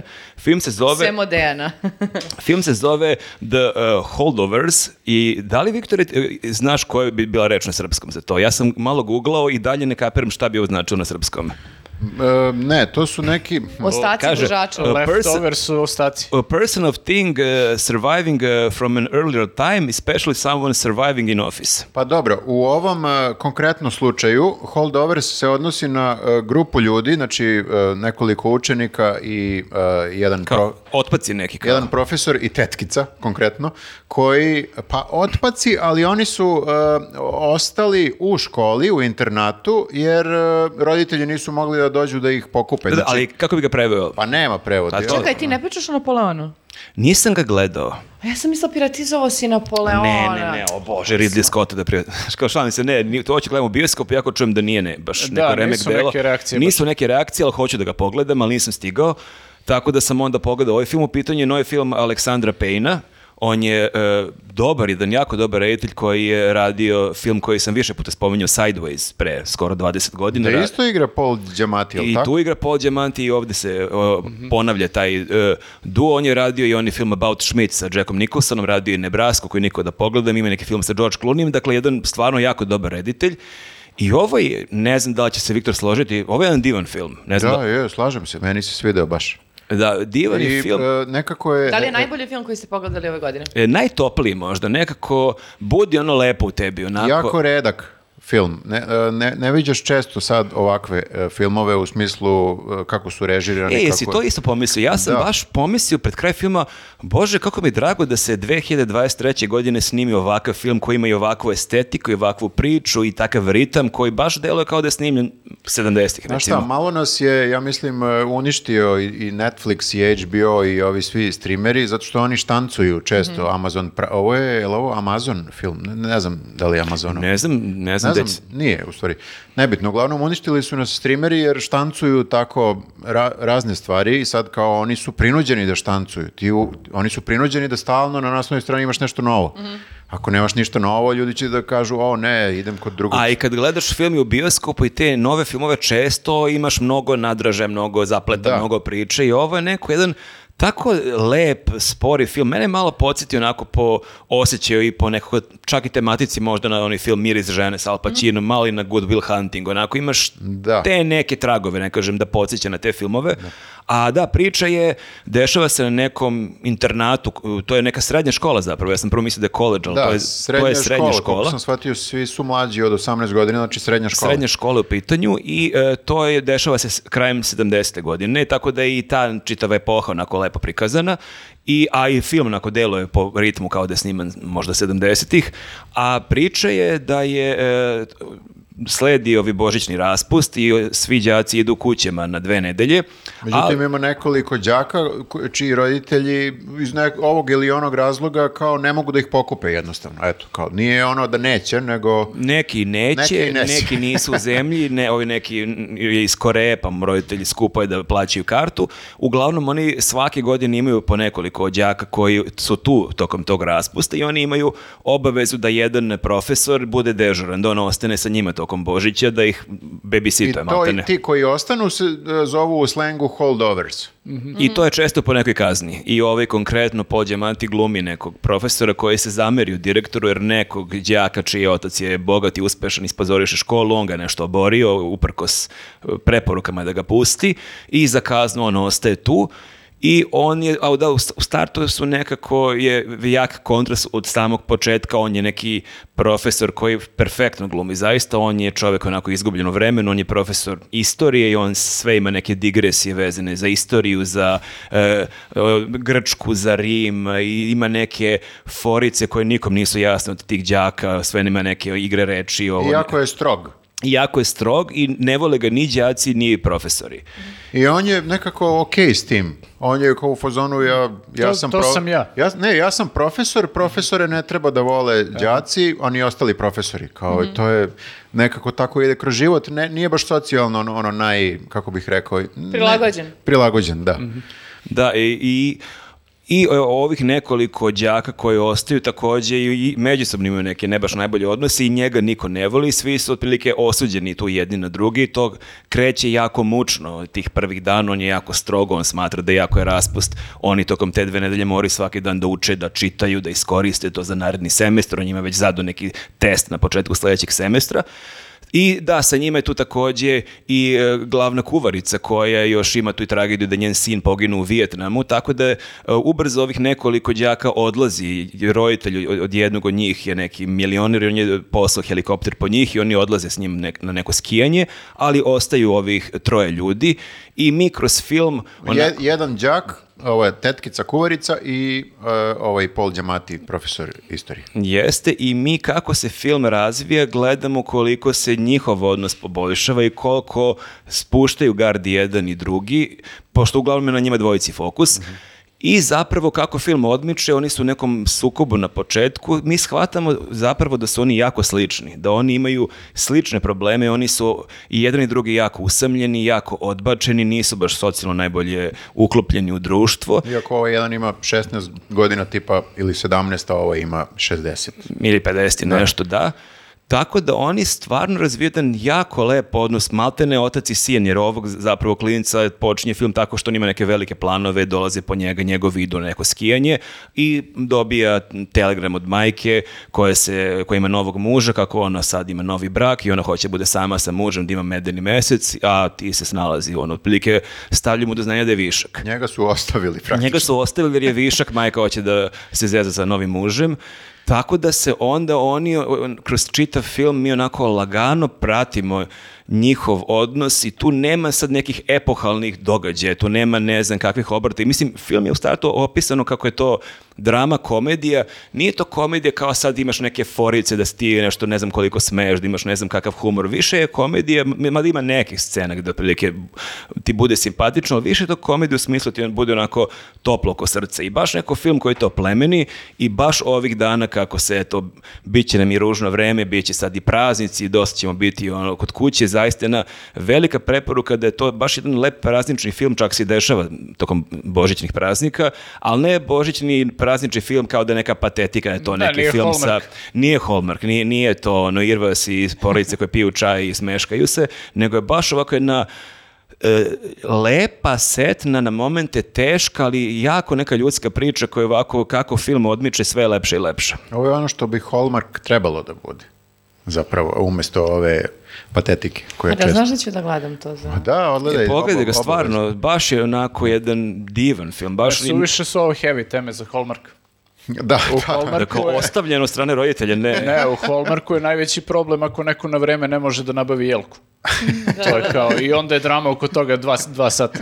Jeste, jeste. Tako da, to je to. Mada i ovo ima legalno da se... Da se ovaj, A jel ima legalno? Ja ga nisam Da, da, E, našao. da. gde to ima? Pa, ja sam vidio da ima na Amazonu Dobro. i još, još negde sam vidio.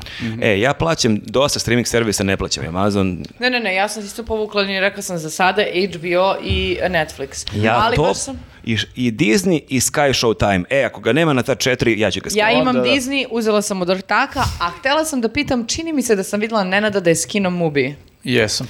Jeste. Pa, brate, To E. je Mubi sada. neka isto streaming uh, platforma. Mubi je isto neka nova streaming platforma Ali sa... ima neki ja, malo ar- a- artist. artistički Ako voliš tri Trifoa, recimo, gledaš Trifoa Da, tamo. da. Ovaj. Izgubili ste me. Okay. Ne, Nenad je ubao... Ima, ima neke te nezavisne i Dobro, nezavisne ovaj, kinematografije i ovaj, uh, Ima stare filmove silne. ima starih filmova dosta, ima tih nekih koji su malo više to arti, tako da ovaj, uh, ja bukvalno bu- nisam stigao u posljednje vreme da ništa tamo Znaš kakav je gledam, ali Nenad tek ću čovek da probam. ispod, znači ne mogu da, da mu oprostim ovo, znači taj Mubi košta 9 dolara ili 9 evra mesečno i meni se stvarno ne plaće, dosta toga plaćam i Nenad je ubo trenutak kad je bilo koliko, 40 evra za ono 20 godina i nije mi rekao.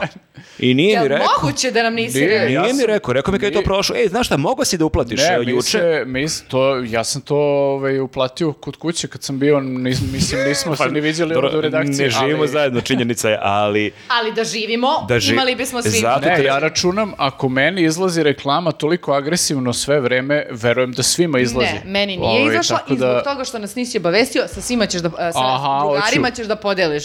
Sigurno. Ja nikad nisam ni čuo za Mubi, mislio sam da me zezate sve vreme. dobro, nema veze. Mubi se zove. Nenade, pozajmit ćeš Ma nam nekad. Pa sam si rekao da nisi gledao, što si čemer? Cemer. to se tako... Šta znači to? To se troši tako ni za što, tako stoje već dve nedelje, ima nalog tamo. ne može, znači plati pa klati. Znači ja, ne da. Čekaj. Šalim se da predaći. kad ovako uglate na internetu čemer, Čemer. izaći će Čemer. Nenadova slika. Dobro. Povremenog na klik će biti Dražićeva. Ne znam o čemu Sad me pričaš. i vređa. To E. su te stipse, razumeš? Ja s- Jedinčići, ne vole da dele, ne Ja- umeju. Pa i on je jedinac, ovo su Ali svi on jedinci. Pa je igrom, ne znam kako... Igrom slučaja slučaj- jedinac. Da, naučio, brate. Ja sam sa Viktorom delila bratski svašta. U smislu hrane. Ne moraš više u detalje. Ne možeš da ga zakopavaš više. Ja sam Sjever. pogledao još jedan film. Ma idi bre.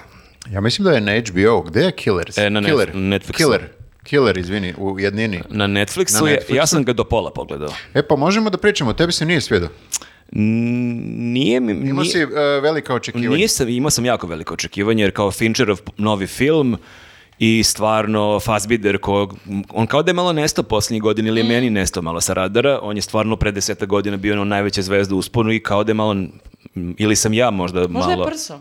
Ne znam, ne znam. Moguće da je glumio negde da, da sam ga ja Mo- preskočio. Moguće, ni- nisam siguran. Ja ga nisam gledao, ja mislim još od ovog Prometeja ili kako se zove. Ali uglavnom, uh, m- m- ne, ne Ne mogu... Izvini što te da prekidam, Aha, ajde, on ajde. glumio nekog Šekspira u posljednjih par godina i to mislim da je bilo na nekom, da li Moguće, ajde. Macbeth ili tako nešto. Teodora, Teodora Fassbinder, evo, traži. A Zaspala me na našem podcastu. traži, traži. Zove taksi. Jeste, a? Jeste, dobro. Glumio je, okej. E. Bravo. Uglavnom, Fassbinder, Možda ima na mubiju. dobar glumac. kako liko je đubre.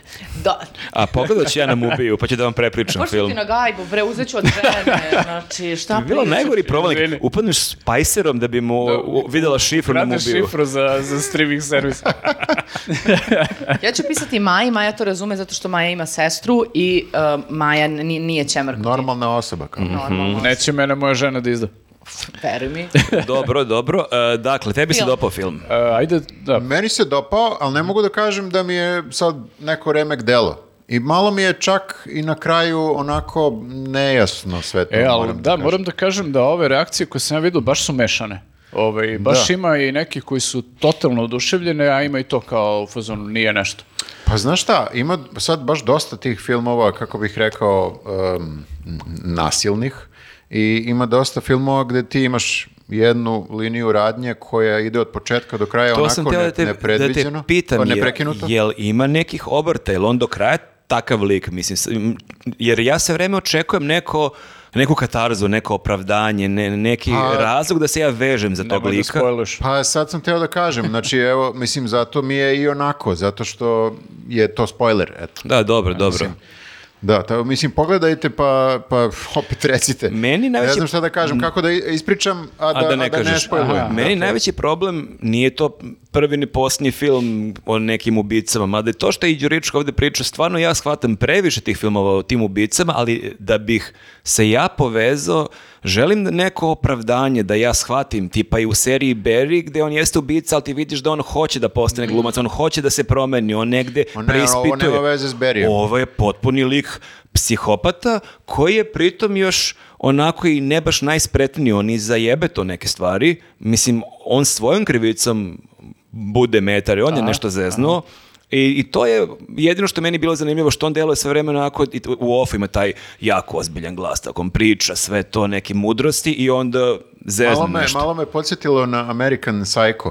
I Pa jeste njegove malo. te neke mantre, bullshit koje ponavlja uh, Da, on je- sve vreme. Ali American Psycho, on je stvarno psycho do kraja. Ovo Jeste. ima te neke, e, taj neki tok svesti da misliš da, da je on neki najprofesionalni, najbolji ubica na svetu i onda promaši. jel? Da, Mislim, i na samom ovaj početku. American Psycho je ono malo motivational moment ima. Kao, Moguće da su nam uh, očekivanja bila uh, previše podignute, zato što je to Fincher, Fassbinder, pa nešto. I jako je lep film ovako Mm. kad gledaš, mislim super je režija, nema šta da se uh, zameri tu. Samo je priča nekako, gledaš do kraja i kao, hm, ok, sutra si zaboravi. Mislim, ne znam, eto to je... Da, pa da. Gluma je isto dobra, ne mogu da kažem, super ja sam glumi, video, ali... video sam te komentare kao da je inspirisan John Wickom, ali ti čak i u John Wicku koliko god da te je zabrat meni smešan, imaš neko opravdanje, on je hteo da bude drugačiji, bolji čovek, pa su mu ubili psa, pa je onda on krenuo da se sveti. Ovde Ma ti u ne, startu John- nemaš nikakvo opravdanje. Ma John Wick je bezumna akcija koja od starta je bezumna akcija. Ali čak i bezumna akcija ti možeš da shvatiš zašto je lik od tačke A došao do tačke B. Ovdje dobro, nekako da, to- u startu je sve ravno isto. da, ako se sećam, ne, ne mogu se setim imena filma, mislim, kultni je film sa Michaelom Douglasom, kad on isto ono, na poslu samo odlepi jednog dana i uzme sačmaru i krene da ubija, ja ne znam kako se zove. taj Falling film. Down. E, znači isto, ali imaš neki ono motiv, šta Da. se tu desilo, Ov- pa je došlo do Ovdje toga. je zanimljivo što on sve vreme sluša isključivo The Smiths. I to je onda kao da, da li je pohvala za Smiths kao super muzike ili je ideja da psihopata šta će slušati ako ne Smithe, imaš ono dve škole mišljenja. Ali ja moram da priznam da su mi to malo jeftini trikovi nekako. e, jako je lako, to, to sam sad gledao ovi novi Vendersov film na festivalu autorskog filma koji me stvarno nije pogodio, ali on, Svi su rekli da nije nešto. ne, ne, ja ne znam, neki su odlepili, ja stvarno baš mi je onako, čekam ceo film da se nešto desi, to je film neke atmosfere i to on prenosi, ali moga da bude duplo kraći, ali tu recimo imaš sjajnu muziku, tu imaš baš neke sjajne bendove, ali sam neko shvatio da je to Pa kao i u nekim serijama, to mi je malo i jeftin trik, jer ti koju god scenu da imaš, ako ti pustiš Lurida ili da smice neku cool pesmu koju svi negde volimo, to će da podine tu scenu na neki viši nivo. Tako da i to što on provlači smice u celom filmu mi je ok, dobar, dobar je fazon i to su neke super pesme, ja stvarno volim smice, ali ne mogu da kažem da mi je to podiglo film na ne, ne znam koji nivo. Pa dobro, svako se koristi svim alatima koji ima. da ne, sve je legalno, Dobro, slažem mislim, se. treba i to vešt uraditi, na primjer, kao što je u The Stranger Things, tamo su pesme imale deo ono, radnje svoj praktično u seriji, baš je lepo uklopljeno, tako da, ono, nije baš ni dobro da se forsira ako nema neku Jeste. svrhu. Mal, malo mi to postaje đidanje. Jer, znaš, Da, da, imaš da. scenu kod Vendresa, on vozi kolu, ne dolazi i ide, ne znam, ono Velvet Underground i svima kao, a, svi se njišu u bioskop, ali da, zašto je to lepa pesma, ali to i dalje ne znači da je, da je, film, Scena da nije je morala film da bude genijalan. kraća. Da, ja sam čula da su, da, da je užasno spori, da kao su se smorili u odnosu, baš mi su mi ljudi Ma koji nije, nije sporost problem. Nije sporost Pričam, problem. mislim, o Vendersu. Ovaj- su... Da, da, da. A, okej. Izvini, mislio sam da... Izvinjavam se što Mislio sam- sam da smo i dalje na temi. Ja se izvinjavam što Zezam sam se. digresirala. Zezam Čekaj, se. je se zove Beše savršeni dani o- e, od Vendersovi filma? Tako nešto. Da. Tako nešto. E, kad sam, samo da preporočim, znači ako hoćete pravolinijski film od početka do kraja, a dobar, e, Brawl in Cell Block 99. Jako nasilan, jako grafički Eksplicitan. E. eksplicitan, ajde tako da kažemo, Vince Vaughn igra i režirao je onaj lik koji je režirao Bon Tomahawk, koji je isto grozan film, but in a good way. E, ali e, pravolinijski, znači pravolinijski ako hoćete, to je meni super preporuka. A ovaj, mm, nja, šta znam, Pa dobro, šta Ajde. ćeš, pa ne, ne. pogreši čovjek. Zanimljivo je njegova gar- garderoba, on je stvarno onako idiotski obučen potpuno, uvek ima neki šeširić i da je to zapravo negdje bilo objašnjenje da on kako je ubica, da je bila ideja da može da se obuče kao što bi mogao da kupiš bilo šta na aerodromu, neke najosnovnije, neke naj, najmanje upadljive stvari. Mislim, ima nekih zanimljivih stvari, ne kažem sad da je film ne znam koliko loš, nego je samo Nije wow u odnosu mnogo na- sam više očekivao, jer baš mi delo kao Dream Team kad sam vidio ko, ko je radio film i čekam neko opravdanje, nešto da se ja za tog lika vežem, ali ja sam već neko 10 minuta pomislio, mislim da ga sad ubiju, baš me briga. Da, što ja gledam ovo? Što ja ovo gledam i što bi imao bilo koju empatiju kao ovom glavnom junaku. Mhm. Ubite kada završimo s time.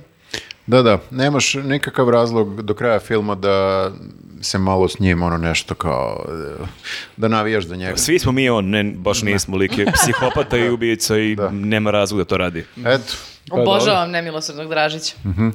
Pa, mnogo sam očekivao. Ja ne stižem da gledam filmova koliko bih želeo i onda kad čekam neke filme, ja sam ga čekao bukvalno meseci po dana, jer sam video kao ne- Netflix tog, tog i tog datuma i ako wow, pa ovo prvog dana ću gledati kao stigo do pola i ugasio. O, Pa dobro, to sad možemo, dobro, da. možemo da pljujemo jer znamo nikad neće doći Fassbinder ovamo da nas bije. Evo, na primjer, ja imam jedan film koji već, na primjer, godinu dana možda čekam da pogledam.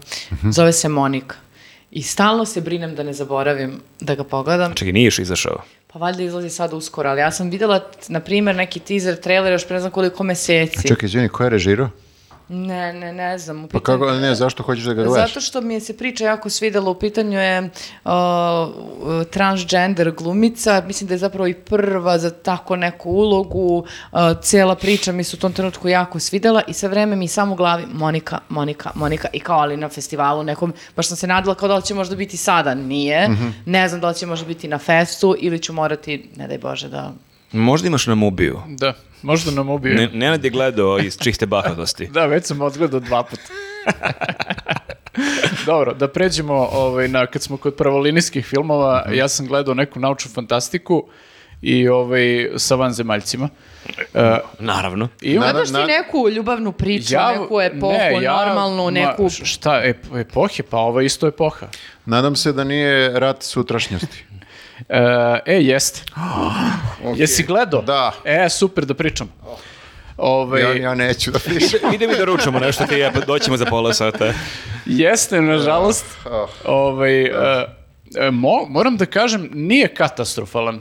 Pa ne, nije kao onaj koji sam Nije pričao kao prošli taj, put. da, ne. nije kao taj, ajde kao da kažeš onako relativno pristojno izgleda i ima neku kao relativno pristojnu radnju, ali to je najviše kao što možeš da mu daš. Chris Gru- Pratt gru- glu- glumi i... Relativno je ključna reč. I Von Strahovski, mislim, to je ono plavuše jedno, ne znam gde je sve glumila, ali baš ono poznat lik, sigurno je znate kad je, kad je vidite. I uh, zaplet je naravno da su vanzemaljci napali zemlju i toliko su jel, jaki da su uspeli da okupiraju celu planetu i to sve i onda kao ovi, desilo se to da su ovi zemljani nekako uspeli da otvore neki procep u vremenu i zapravo oni sad iz sadašnjosti, uh, kad se de- vanzemaljci, ta invazija se još nije desila, oni šalju u budućnost uh, gomile ljudi da se bore u budućnosti protiv vanzemaljaca, da ih tamo unište i da spreče... Čak ja bih imao nula motivacije. Kao sad imaš lep život, ali ajde ti idi u, u budućnost da se boriš da Ali pogineš. objašnjeno je ljudima, znaš, da je to, jel... Za više dobro. sudnji To su dan, naša to je- deca. To je, to je Pa Nek neki... se ona snalaze, bre. To je neki čak i... Imam ja svoje probleme u životu, ajde Ne, ali bre. to je neki Bićero. relativno skori moment, tipa za sedam godina, znaš, nije... Brate, to je sedam letovanja, sedam ono, To festivala. Je, to je metafora, ljudi, sve, ja da vam kažem. To je metafora za klimatske promjene. E, može i Wow, tako man, da se gleda. that's so da. deep. Da, A Pa dobro, da. čekajte, pitam nešto, ali mi onda sad gledamo tu budućnost ili e, u Da. kojoj su oni došli i sadašnjosti Ti ili gledaš sadašnjost... jedno, ti više gledaš tu budućnost, ovaj, ali sad oni moraju da nađu kad su videli da to, znaš, oni samo sipaju ljude tamo u, tu, u budućnosti. Ponestaje tamo, ljudi. Tipa 10% se vrati, razumeš, iz svake te akcije i Baš mi oni je super motivacija da odem onda. moraju da smisle nešto kako da unište te vanzemaljce, to jest moraju da nađu način da, to jest moraju da saznaju kad su oni došli uopšte, jer oni su se samo iznenada pojavili, to je sad nedumica, nije bila invazija klasična, nego su se samo vaspostavili odjednom i oni sad ne znaju kako se to Nenade, desilo. uh, i re, ne, re- našao sam rešenje. Znači, oni ako imaju mašinu za putovanje kroz vreme, treba da se svi vrate u prošlost. Nema, imaš nema, samo to- A procep- zašto Ne. ne, iskoriste atomsku Čekaj, bombu? čekaj. da imaš čujem samo objašnjenje. procep do budućnosti. O, pa to je džidanje, nemaš tako. Ne može, nije to putovanje kroz vreme, znači nemaš ono kao sad ideš u prošlost pa se vratiš. Nije i to. to, izvini, nije to mašina, to je wormhole. su Jeste, našli. Ah, jeste. pa- Dobro, Pardon, molim my vas, friend. zašto nisu iskoristili bombe? Ne možeš da, šta ćeš da radiš sa bombom? Pa da ih ubiješ. Ali ljudi će da poginu. Ne, ljudi pobegnu u procep. U, To se zove bunker. mislim da si upravo rešila ovaj film. Da. Dobra ideja. Uglavnom, e, da, o, mislim, jedina zapravo nedumica je kako će oni da reše to, ka- da otkriju kako su došli vanzemaljci i da, da nađu jel, način kako da ih unište. I to ti je jedina nepoznanica koju kao, ajde, to neću da spojlem, ali generalno ovaj, e, baš ima, i, mislim kad sam pogledao, ja volim da pogledam takve filmove i te apokaliptične ovaj, o, neke teme kad su u pitanju, ali baš ima malo tih nekih e, filmova tog tipa koji stvarno valjaju. Ti na, na kraju se uvek vratiš kad hoću pogledam neki dobar SF skori, ja se na kraju uvek vratim na Ad Astru ili na, na ono e, Interstellar ili eventualno na Marsovca i to je Jesi kao... gledao Edge, Armagedon. da, skorije. jesi gledao Edge of Tomorrow, meni je taj dobar. E, šta to beše? Tom Zvi- Cruise. Jesam, a, jesam, jesam. E da, taj je recimo dobar. Taj je To dobar, da. Znate da, ja sam... Ali to je isto više, izvini, nije ovo kao filozofski, kao Interstellar, nego je više to akcija i krljanje, ali baš je mnogo bolje krljanje od ovog, baš je uređeno ono... A, super. ti misliš to filozofski kao nešto, metafora Znači, nekada bude. ti godinama čekaš neki dobar film i svaki gledaš i uvek se razočaraš, ali ne gubiš Nije- nadu nije uvek, da će... Mm. Nije uvek, bude, evo recimo ovo što je Viktor pomenuo, da njega sam zaboravio, stvarno je dobar film, E, isto imaš ono, mislim, tu mene je samo nervirao taj lup koji se dešava non stop iz Da. početka, ono, se ide i to. Moraš da, moraš da nekako, da, prihvatiš to kao, Jeste, prihvatiš u nekom trenutku i bude super. A, da. Koleginici ima pitanje. izvoli. Nemam pitanja, imam ja samo da se nadovežem zato što sam gledala ja nekad takav tip filmova. Ma idemo, bre. Naprimer, ja sam i dan danas sećam se tog straha koji sam osjećala kada, znate onaj film da kao udara neki meteor i upašće u vodu i onda će ogroman talas da preplavi sve. I sad ima ona Čekaj, je li scena... to Armageddon? Nije. Nije. A, ka- se ima ona scena kada ona plavuša kao glumica e, grli ćaleta svog i talas ih preplavlja. A, znam na koji misliš. Ovaj, bože, uh, jo, uh, k- uh, Teodora, molim te. Onaj, znaš onaj, znaš onaj film? Ma znaš, Brani, kuci SF. Nebitno. I sada taj talas krene. Morgan Freeman je predsjednik Amerike. Moguće, moguće. jeste, znam A, ne tačno sjećam na se koji toga, misliš. ali sećam se momenta gde taj talas kulja, šiklja, svi trče, znači kraje sveta, razumeš, pog, po- Mhm. poginuće svi i oni se trče uzbrdo uz neko brdo Jako je glupo, da. i da ovako idu preko svih, ja sam bila u fazonu, toliko sam nekako... Ljudi ni trče. Ne, nego bežiš čoveče, tu je voda iza tebe, razumeš, ali ne, Jeste. ne ide lagano, A nego... ne, mislim, To je mo- tsunami. Pa jeste tsunami, ali zapravo kad pogledaš, svi koji su poginuli u filmu, poginuli su na jako glup način. Pa Nisu morali. Znaš, samo su trebali da se sklone svi na to brdo, da sačekaju da ovo A to grune. je kolektivna panika. Ali ti ne znaš da li će možda t- da, da, da taj talas da bude još jači pa da preplavi to p- brdo. Kako ne znaš, kako spazili su meteor. Znači, mi imamo kao zemljani te neke e, naprave uz ko- Da pomoć vide, da. kojih merimo gde će da grune, koliko će da se... Znači, popni se na brdo. Ali dobro, ne znaš opet, Viktore, možda se u, u, u trenutku promeni uh, s, s, s- ovaj vetar, uh, Ali talas čekaj, i... ako ti imaš jedno jedino brdo u blizini, najveća šansa je preživiš na brdu. Nemaš sad opciju, a šta ako je to brdo jako je malo? glupo, jako je glupo.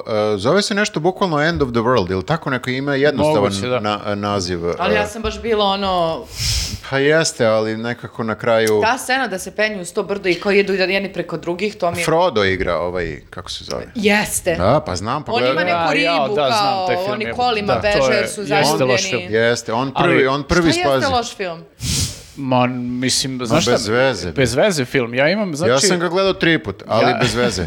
Ja malo imam problem generalno sa tim filmovima, jer kao kad je izašao Day After Tomorrow, uh, to je, mi- čini mi se, Dennis Quaid beš glumio, to je ono kad se kao zamrzne Mhm. Ledeno pola, doba. da, dođe do ledeno doba, zamrzne se severna hemisfera i kao Mhm. krene ludilo.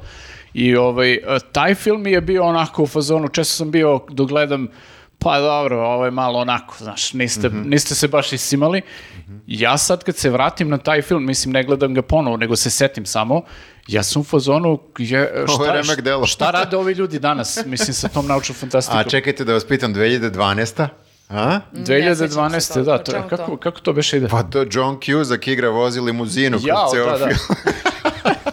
Nisam gledao. Toga se ne sjećam. A Pa jel se sećate onog filma gde je Connie bežao od neke lave, nečega koje e, greje, non stop sve onda su u nekom jezeru, u nekom čamcu i u jednom trenutku taj čamac kreće da kao ključa, kao cela voda. Možda je to 2012. A ne, nisam siguran. provaljuju, a provaljuješ vodu tako što neki par e, skreće s puta i odlučuje da se kupa u jezeru, kao da se kupaju goli. I kreće ono nešto tu da se navatavaju i samo jednom trenutku kreće da vrište jer voda... Sprži ih. Voda kreće da bude vrela, Ne, razumiješ? ne, Da, u da, svakom hororu ili SF-u kad se neko negde navatava, to je kraj. Da. To mi je isto Uglavnom, bilo e, strašno. Čini mi se da baš ima prostor u tom SF-u za, za dobar scenarij. Ja ne neki. znam, meni se Neverovatno vidi- mi je da, da ne mogu toliko da ubodu ništa da... Ajmo i to da napišemo, ja dok ljudi. sam gledao ovaj e, rat sutrašnjice, ja sam bio, u fa- nisam ga gledao do kraja, moram Mhm. ti kažem, toliko mi je bilo glupo u jednom trenutku da ovo, kao ti sa ovim killerom sam prekinuo, tako da, ovaj, e, e, da, što sam teo kažem, učinilo mi se da em, ponestaje ideja, znaš, jer sad si ti odjednom shvatio, aha, mogli bi kao iz budućnosti da zovu ljude e, iz e, ovog doba da idu da ratuju, Pff, bu- budalaština. Ali meni je, na primjer, na tu temu ok, ona je mm, Don't Look Up. Nije genijalno, Pa to je, ali mi to je cool. komedija. dobro, to je- da, da. komedija. Pa Ne. dobro, ali opet ima elemente, mislim... Ne, ima, ima, slažem se, nego o- Katastrofičnih ovo su situacija. htjeli da naprave kao da ima priča, ima e, e, povez, mislim, da priča bude logična. i Meni je ne Don't znam. Look Up stvarno bio genijalan. Ja moram priznati da sam ja, da mene te film oduvao, jer je on baš n- nastao u sjednom trenutku nakon korone, karantina, teoretičara zavere i nekako je to baš na sjajan način e, zaokružilo to vreme. U Ma ljudi, neko- pogledajte 2012. Vama će ajde, se svidjeti. ajde pogledat ću. Ma To će je zajedno, ma- komedija od početka do kraja, mislim, ali ljudi ginu non stop, samo je komedija. Dobro, meni nije to strašno kad ljudi ginu, ja sam dobro. to navikla na to. Da, dobro. Da, uglavnom, eto, treba nam bolji, boljih SF-ova. Boljih ideja, boljih ideja. Boljih ideja za SF-ove. A, na šta sad prelazimo? Pa hoćeš na knjige. Ajde. A, krenula sam da čitam jednu knjigu, budite srećni, nisam došla do kraja, zato neću ništa pokvariti. A, To ti je mantra u ovom podcastu. Jeste, jeste, ali e, između ostalog nisam je završila zato što, rekla sam pre snimanja, nešto mi u posljednje vreme jako teško ide čitanje. Ne znam da li mi je sad, da li sam u toj fazi, ali ima perioda kada ono mogu da ne znam koliko pročitam u, u mesec, dva, a ima i da razlačim jednu... A jel to onda kompenzuješ tako što gledaš više filmova i serija? ili- Da, Da, Dobro, imam ja tako te faze kad se smenjuju. da, i onda e, nekako osjećam da kaskam za, za knjigama koje me čekaju i koje bih volala da pročitam i o kojima bih volala da pričam, ali eto, praštite. Ja sam isto u toj fazi. Sad Par već godina. Godinu dana. A, knjiga e, se zove e, Meduze žive zauvek dok ih ne uhvate, uh, izda, izdavač je Geopoetika, a spisateljica je Nađa Petrović, mlada nada naše, e, kako bih rekla, scene, Mlada nađa. književne scene. Mlada. Nije neka izmišljena. Nije E, majke, pa pa upozna- upoznali, upoznali ste smo je. ženu. Sedela je tu gde sedi Viktor. A, nađa. Da. okej, okej. Mislim, nije u podcastu bila. I ali- okej. e, sada, e, ja ne znam da li se i, takođe i vama dešava da, da nekako vam se teme, e, koje, s- odnosno sadržaj koje konzumirate kroz teme preklapaju. Meni se desilo da čitam knjigu o mladoj devojci koja to odrasta u Beogradu i ima te krize i- identiteta, zapitanosti, anksioznosti i, s- i stvari. Iz Kragujevce. Nije iz Kragujevca, prekini da me ono non stop A, tetovirana je, voli da psuje, pije pivo. Pitam te, Vi šalim nastavljate, se. vi nastavljate. Mali omaž našem prethodnom popkastu. Jeste, jeste. Moram da kažem, to sam baš danas okačio na Instagram, ne, juče. To mi je najbolji detalj od kad bilo šta snimam. Ono je- Mnogo sam se smejao. I, znači, Ono je ko- kao skeč, Ko bukvalno. nije gledao prošli popkast, samo nek pogleda makar taj deo kad je Elisaveta nesvesno pisao lik Jovane Stojković iz serije Deca zla i bukvalno opiše sebe u Dadoša. Pukala ste me na Pokidala si. basic bitch, ja stvarno nisam basic bitch. Pokidala. Ja Da. Te tek, basic. tek kad sam odgledao tu scenu, taj deo, zna- bukvalno kao skeč, znači ja nisam toga bio svestan dok smo snimali jer kao drugačije prosto, ali kad gledaš ovako, bukvalno kao skeč. Samo nemaš, eto, toliko crvenu kosu. Ostalo je manje više tu. Moje estradne lokne nisu stereotipne O. za ovu kombinaciju. Ne, ne, ovo sad ne postoji. Pa Okay. eto, te, ti Dobro. kažem da nisam stereotipna žena. Sad nisam. On nije niko ni rekao da si stereotip. Kako niste? Ja sam, samo re... re- nego šta ste ja rekli? sam rekao samo da si pokidala, nisam rekao da si stereotipna. Dobro, Nemojte da se vraćamo na to. Da vas sam dobro, zaboravila. dobro, ajde. Molim vas, Ajde. da Ovo je ono, pozvate znaš, me. u, u serijama kad ponestane scenarij, pa kao je, sećaš onda one sezone i onda pustiš e, insert iz pete epizode. Ajde, nova perspektivna autorka. Jesen, nova perspektivna autorka i spoklopilo se s time da sam gledala jednu uh, skandinavsku seriju o kojoj nisam pri, pričat ću kasnije, koja isto ima za temu to mladog uh, muškarca koji proživlja neke svoje krize identiteta, nesigurnosti i tako dalje.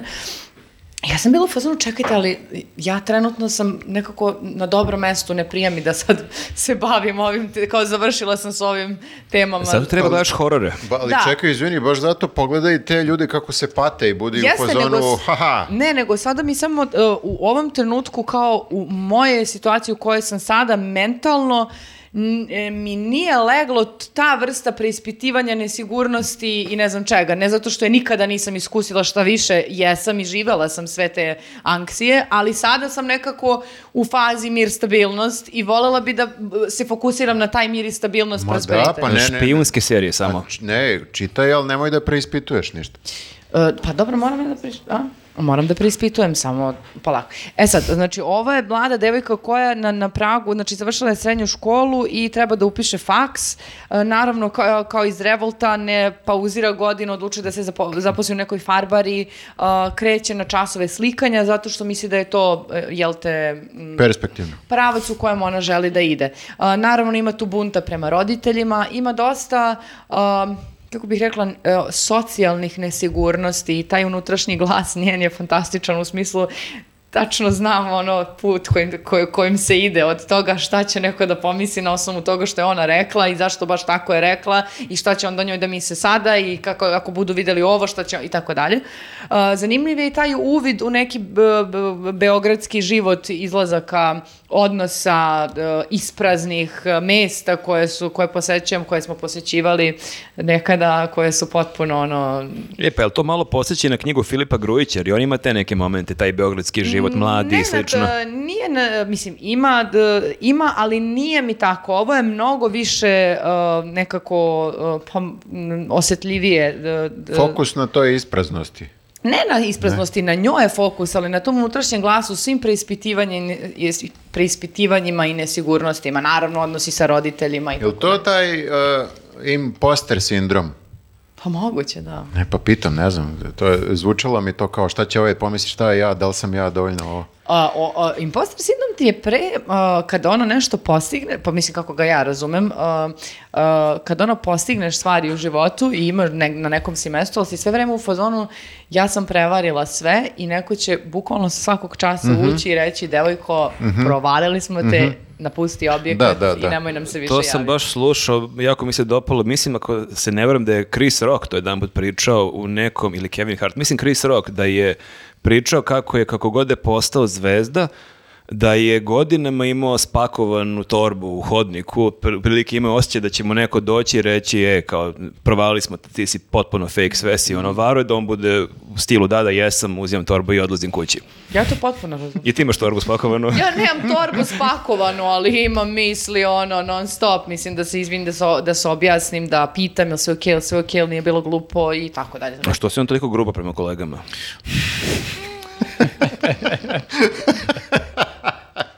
Ovo su ove šale neprikladne Jeste, potpuno. jeste. Da se vratimo na knjigu. Drago mi je da, da se čuju mladi glasovi uh, naše... uh, s- uh, Budi se književne Srbija. scene, Budi Mhm. se Srbija. Mislim da uh, bi ova knjiga posebno bila z- e, zanimljiva m- mladim ženama, odnosno mlađim od mene, uh, koje su u svojim 20. godinama, koje te teme nekako možda prirodnije, s, s kojima će se prirodnije identifikovati i saživeti. Ja se jesam identifikovala sa njima, ali mi možda nije leglo na način koji bi mi leglo pre par godina, iz prostog razloga što sam sada kao žena koja je stasala neke druge borbe vodim, pa mi sada d- d- su mi i druga pitanja u tom smislu u Ti si glavi. sad uspela, ti si ovo pregrmela ovo. Started from the bottom, brate. Da. Now we're Vidi here, me pa sad jeste. Kako kiram. A vi neke... Rasplače se. Ovo je news psihoterapija.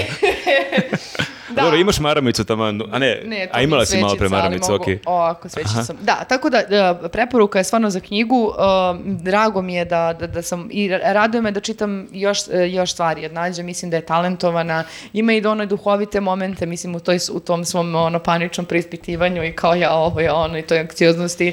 U- Kroz knjigu ti to bude čak i zabavno na neki A je li ima neka konkretna radnja da se prepriča ili je više taj roman, njen, ono, atmosfera E, prati- njenog kreće- osjećaja? Krećeš ti do pratišnju, naravno, prolazi kroz različite situacije, ti je hvataš u trenutku kada ona izlazi iz farbare, uh, odnos sa roditelje, priče sa roditeljima i uh, kreće na časove slikanja. Tako da ja nisam odmakla uh, da znam Još si na prvom času slikanja. da, da, da, da. A, tako da ne, i super je, mislim, stvarno sam u tom smislu spokojna jer neću ništa da sjebem, ne- samo sam eto prenela ljudima utiske pa mogu da čitaju da im ne, ništa ne pokvare. Dobro.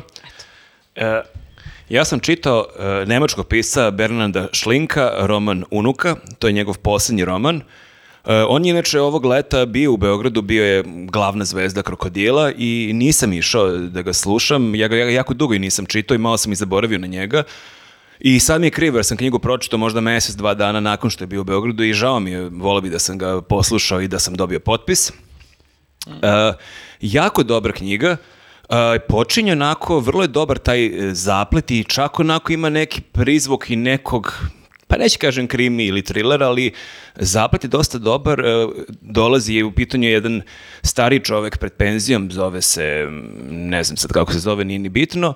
E, Uglavnom on dolazi kući i zatiče e, Kaspar. On je stari čovek koji ima knjižaru i živi sa svojom ženom koja je već neko vreme u nekoj depresiji dosta pije i on dolazi kući i nju zatiče mrtvu u kupatilu. I onda on kreće da Mi slaže. je smiješno kako pričaš, ovo mi se jako kako vodi kao, i on nju zatiče mrtvu u kupatilu. Zato što se, sećam se tih scena. Da, I ja, on ti sad dođe. nije, ja nekakav prepričavam, tako se živim kao da se to meni dešava. Znači, i Ne, onda ne, zato te otvara zato mi je vrat. bilo simpatično jer si se baš ono i Dakle, on dalje sad e, sređuje njene stvari e, i oni su dosta se bili udaljili posljednjih godina. Uglavnom, on e, pronalazi neki njen rukopis, za koji uopšte nije znao da ima. To je da li neki njen dnevnik ili roman. I on nije pojmimo da ona to piše, što mu još dodatno ga je zbunilo, jer on pasionirano čita knjige, drži knjižaru i to je njegova velika ljubav. I on počinje da čita njenu knjigu i iz njene knjige on shvati da je ona e, imala dete pre nego što se upoznala sa njim e, i da je to dete ostavila i da ona njemu nikad nijednu rečenicu o tome nije rekla. A mi se onda e, paralelno vraćamo i na momente pratimo početak njihove ljubavi, dakle vraćamo se u neke njihove studentske dane i tu je, š- je jako zanimljiva ta priča jer se Tu lepo se opisuje, to je vreme hladnog rata i opisuje se i odnos zapadne i istočne Nemačke. On je, a nije špijunski thriller, polako. Ali, imao, je, pot- imao je takav potencijal da Od budeš dva špijunski. čoveka. Ček- Moglo je da ode u tom Znači, smeru. pazi, imaš Ali Berlin. čekaj, od dva checkboxa ti imaš jedan. E, ovaj roman je zapravo propuštena šansa. Dakle, moglo je da se račva u mnogim pravcima. To je roman polu epohe. Ha, propuštena šansa, ja bih rekao. Ali u svakom slučaju, e, vraćamo se u te neke, ne znam da li su to neke 60. 70. godine, uglavnom on kao student iz zapadne Nemačke dobija dozvolu da ode na nekoliko nedelja u istočnu Nemačku, neka je to bila čudna razmena studenta, jako malo njih je imalo to priliku da ode i on e, dok je boravio u istočnoj Nemačkoj, on upoznaje svoju buduću suprugu i on se u nju zaljubljuje ali onda on se vraća kući i onda on narednih meseci pokušava da pronađe način kako ona da prebegne iz istočne Nemačke u zapadnu, što uz razne komplikacije uspeva. Ali on, čitajući njenu knjigu, saznaje da je ona u tom momentu kad je on ju upoznao, da je ona već bila trudna, možda dva, tri meseca i on to ništa nije primećivao, ona mu ništa nije rekla i da se ona porodila u tom međuperiodu, napustila je bebu, a pritom se uh, je zatrudnila je sa nekim oženjenim muškarcem koji je još bio neko... Crnac. Istočna Nemačka. Pola... Šalim se. A, on je bio visoko rangiran u komunističkoj partiji, tako da je onda u startu tu je bilo još dodatno nekih komplikacija. U svakom slučaju ona uspeva da pobegne. Znači, crnac komunista. Crnac komunista. Ovo ako niste ispratili je bio omaž na naše prelistavanje od pre četiri nedelje kad je... Wow, čak ja nisam kapirao da aludiraš na prelis- prelistavanje, dobro. Pa Viktor, ja si ti povezao? Jesam, čim neko kaže A crnac. dobro, ja- Viktor je jako pametan, on ima i naočari, ali Pa da. on je čitao moju istinu, zato je i povezao. Jesam, jesam, čitao sam tvoju istinu. E, jel moramo se, Ja vrati, razgovaram. jel moramo se vratimo na Ne možemo da se- Bernandovu istinu. Dakle, slušajte, tek smo na prvom poglavlju, imamo, imamo još dosta. O, ubi.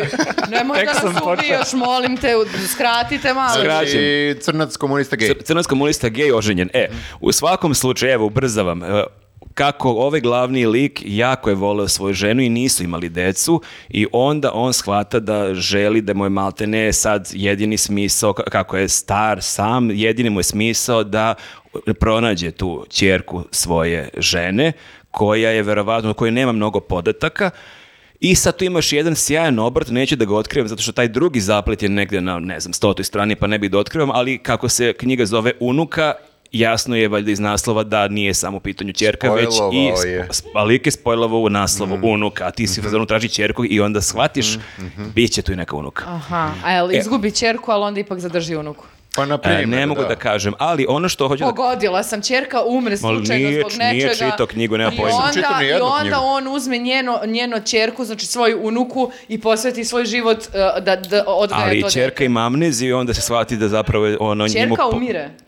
A lako E. ju je prepoznao, pošto je meleskinja. Šta pričate? Jeste. Mm. Nenad je šok. Ovo su neke naduvane ideje na žurci u tri ujutru. Ali da se Pa Ja vratim. ko čep, izvini, molim te. Ajde. E, U svakom slučaju, evo, privodim kraju, vidim da je publike ponestajem koncentracija, tako da će ubrzati. A, jako mi je zanimljivo u ovoj knjizi što a, prvo vidiš koliko Nemačka a, jako je prošlo 30 godina i više od pada, a ova knjiga je pisana tipa prošle godine, e, jako je prošlo preko 30 godina od pada zida, kao da je Nemačka i dalje negde podeljena na istočnu i zapadnu, jer ona odlazi u, da pronađe njenu ćerku koja i dalje živi u to je jedna država sada, ali to je i dalje nekadašnja istočna Nemačka i ti vidiš i po mentalitetu i po mnogim stvarima da to nije baš ista zemlja kao zemlja iz koje on dolazi. A ono što je meni još zanimljivije bilo, sad ne bi da otkrivam, da otkrivam neke silne detalje, ali zanimljivo mi je u ovoj knjizi što mi jako dugo slušamo tu priču kako se mi u Srbiji, ali ne samo mi u Srbiji, već čitav region nije dovoljno suočio sa dešavanjima tokom ratova 90-ih i nismo prihvatili odgovornost šta su ljudi radili u naše ime i stalnimo tu priču, onda u nastavku te priče imamo taj dodatak kako su se Nemci suočili sa svim tim problemima i kako oni nikad ne bi mogli da sad veličaju neka dešavanja. Ali iz- zapravo- Ali zapravo u ovoj knjizi ti shvataš koliko to nije baš tako, to jest jeste tako na nivou većine i na nivou državne politike Na i medije. papiru.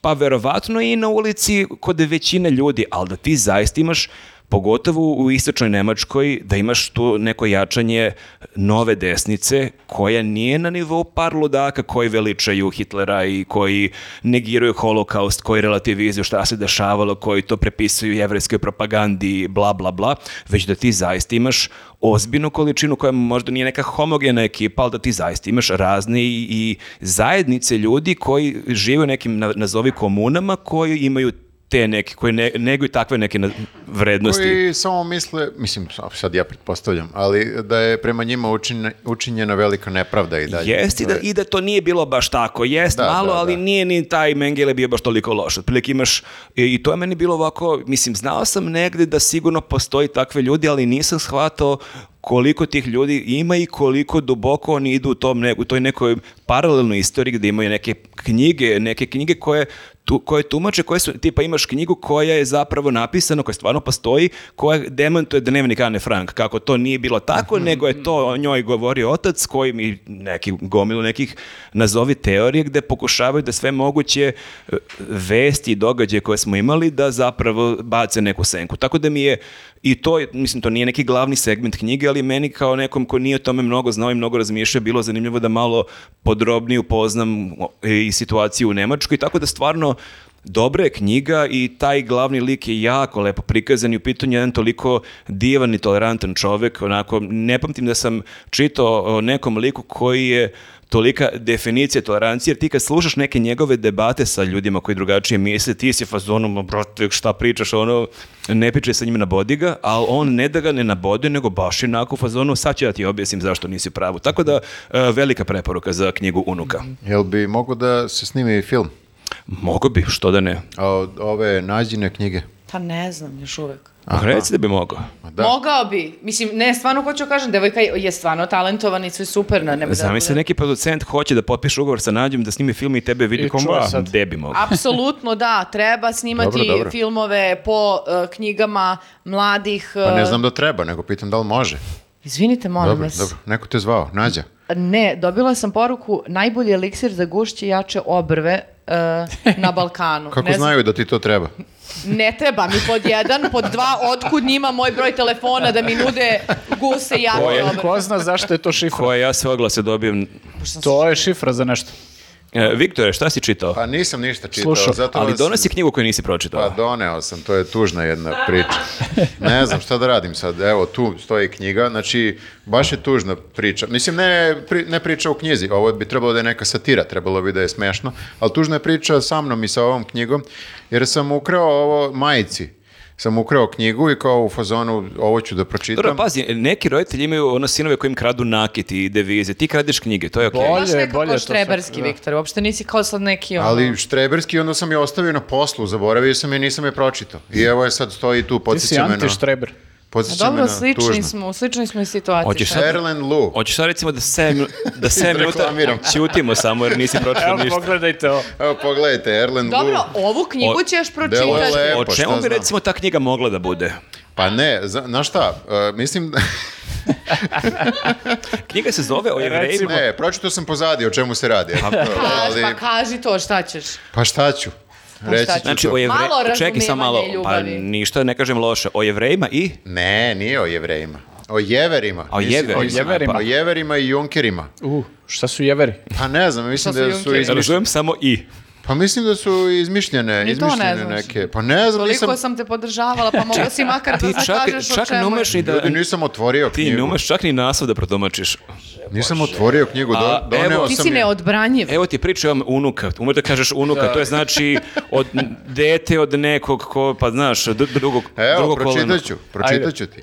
U poslednjim danima života stari jever, Dobro. to je kao neka nacija. Pleme. Pleme, da. Podučava mladog jevera o porodičnoj istoriji i praktičnim stvarima kao što su poluga za čišćenje blata, kamionet, hranjenje ptica, jastuci, skuter, žene I što je najvažnije, 800 godina stari sukob sa porodicom Junker, koja živi na A, to su susednom, porodice. susednom, pa pleme, koja živi na susednom imanju. Jever ne želi da napusti ovaj svet dok na sledeću generaciju ne prenese običaje i navike, znanje, životnu mudrost i mržnju prema Junkerima. Da Sjajno. li tu ima i, e, ljubavi, jer ako ima, to je bukvalno Pa Koga, o, a o, koga pitaš? Capuleti i Pa, Mon- možeš i me, Montago možeš i i mene da Romeo i pitaš Julio. podjednako, jer nisam čitao kao ni Viktor. Da, ima ljubav. Ja mislim da je on hteo o rejverima da napiše nešto. Pa ovo je neka metafora, ljudi, znajući Ovaj. Erlenda Lua, znači, deluje mi da je smešno, čim ima o ovom, o čišćenju blata i o skuteriju i ženama, On znači, je, mora da je smešno. Viktor Oni- kao prodavac knjiga. ovo su bukvalno kad pitaš Pa, nekog nemoj mi da lika, je smešno. jel ovo je usisivač, dobro, da, da, super, us- uvuče, ono, može jače, može slabije. Dobro, ajde, pusti. Ne, evo, uh, Simen Ingemundsen iz, uh, iz medija Randaberg 24 kaže, bez sumnje ćete se nasmejati. Ja Simen uvek verujem, znači ja uvek Ja, ja, pa providim šta je jesmo se nasmijali. Simen napisao. Eto, tako da mogu samo sve najbolje da kažem o ovoj knjizi. Da. Pa dobro, ja samo da ti kažem, po istom principu sam odlučila o predstavi koju ću da pričam i o kojoj idem da je gledam večeras. Pa- Ne, ja sam je uzeo po preporuci moje majke, ali nisam siguran ni da je ona A što niste pročitala. dao barem majku da sad ispriča, samo sad special Vi guest star. Marković i samo taložite knjige i preporučujete, a ne čitate ih. Nisam siguran ni da je ona pročitala. A super bi bilo da ti je preporučila kao, "Ma da, da, super je ga. Da, da, da. M- Ne, zato što sam je možda ukrao pre nego što je uopšte krenula žena da čita. Ja Tako da- sledeći put ako ne budem pročitala do kraja, ja knjigu imati neću. Samo da Ne, ne, kažem. Dobro, možemo od sad je nešto- pravilo, ko ne pročita knjigu, dovede nekog iz porodice koji je tu knjigu pročita i onda on ispriča pet Pa, minuta i ode dalje To i... je, to je okej, da. Jer ja stvarno znam. mislim, osjećam se baš ko d- d- već d- mesec dana ja pričam o knjigama koje nisam pročitala do kraja. Ja se na, ja zato vas pitam je da li, da li frustrirajuće. može Ljudi. film da bude da pogledam film, neću stići da Pa A pročitam. znaš da mi, ma- kad mi Marko kaže, ali možda pričaš nekad o knjizi koju si pre Pazi, ako čitala, ja dođe ne baš do zaboravim toga, i to. mislim, može i film. I A Ne dokumentarac. možemo da budemo takve prevare. Dakle, Ne, ne, ovo ovi je ljudi prevara, koji nas totalno. gledaju zaslužuju mnogo više. Ja sam I iskren mene bio. sad malo i sramote s kim radim. Pa i ljudi koji su napisali te knjige zaslužuju više, meni je žao, ja baš cenim Nađu i sad je ispalo da, da sam preporučila knjigu koju nisam pročitala do kraja. Nađa praštaj, ali nisam, znači kao koncentracija, čao. Pa šta da radimo? Nikad više izvinjanja ovom Šta da podcastu. radimo? Nismo stigli i to je to. Možda Ne. je knjiga sranje ova, otkud znam. E, Možda i slažem se. bolje što je nisi preporučio. Ne, nije sranje, brate, nije ni ova moja sranje. Vidiš da valjda posle 50 strana E, da li je knjiga ne dobra znam ili da li loša. sam rekao, ova knjiga ima 302 strane, sve sam pročitao. E, šta Marko, je, šta je? koliko ti treba da pročitaš 300 strana? E, ovo sam čitao kad sam bio na moru, tako da, mada posle smo Pogledaj imali... ja, ja sam pročitao pola metra literature. Ti imaš pravo na jednu od te Šta dve, je, ja sam ja drugu da pričam- pokažeš ja lepo, samo pričam ovako. obe. Ne, ne, ne, nek priča Ober i ja imam nula. Ajde. Ali ti samo idemo klime dalje. glavom I dok on onda je priča. to, da, ti kao s neki sidekick. Ali dobro, čitao si Korta Maltezea, Čitao. tako da možda se ubaciš ovaj kad budem pričao o tome. Pa mogu, ali davno sam Ali je čitao, zato Ovaj- ajde. pojao 10 minuta da priča o knjizi koja nije... Ma, Bilo je, za, Pa, izvinite. bilo je zabavno. Evo, Barem nisam spojilo. Mene, evo moram da kažem, uh, iako ima nula kredibiliteta jer nije čitao knjigu, mene ovo što je on pročitao sa korica zainteresovalo. I mene Jeste, isto, da, mislim, zvuči zvuči, zanimljivo, da. zvuči kao klasičan Erlen Lu, eto. Nenade, ti si na redu. Jao, ja sam čitao ovaj, ne- e, knjigu autora koji se zove Toshikazu Kawaguchi, malo delo kao da je Opet si fake. izmislio ime. Bukvalno vidi, piše, ali nisam ja izmislio, on je. Tama, tamagoči. Kawaguchi. Viktore, si ti beše hteo da jedeš nešto? A, molim te, mi daj. E, Evo, izvoli. Crna. Normalno. Mhm. ti Nenade? si tim crna, a? Pa da. Dobro. E, zove se knjiga Dok se kafa ne ohladi. E, lagana je knjiga prilično za čitanje i neobična je. Mislim, ja kad sam pročito radnju, m, ovi, mislim, ovaj siže kao pozadi, pitao sam se da li je to nešto što bih ja kao ovaj, vole da pročitam. Ali zapravo se ispostavilo da je zanimljiva knjiga. Govori o jednom kafiću u Tokiju, tamo se dešava ovaj, radnja, e, gde e, to je kao na nivou urbane legende. Otvori ga, više, jebe mu. Znači, stvarno, gledam ga ovim Ne, ne, bangavim ne. prstima kako otvara ovo. Bori se Svini, sa Nenade, plazom. da molim te, ali ne mogu da... z- Došla sam do kafića u Tokiju, ali ne mogu više. Ali molim te žvaći na mikrofonu sad. Ali nešto je opla. gore, zato što, što sporije to radi, to me više nervira. E, Izvini. evo, uspeo. Ajde. A i što nije pročitao knjigu, nego što nas ovdje sabotira.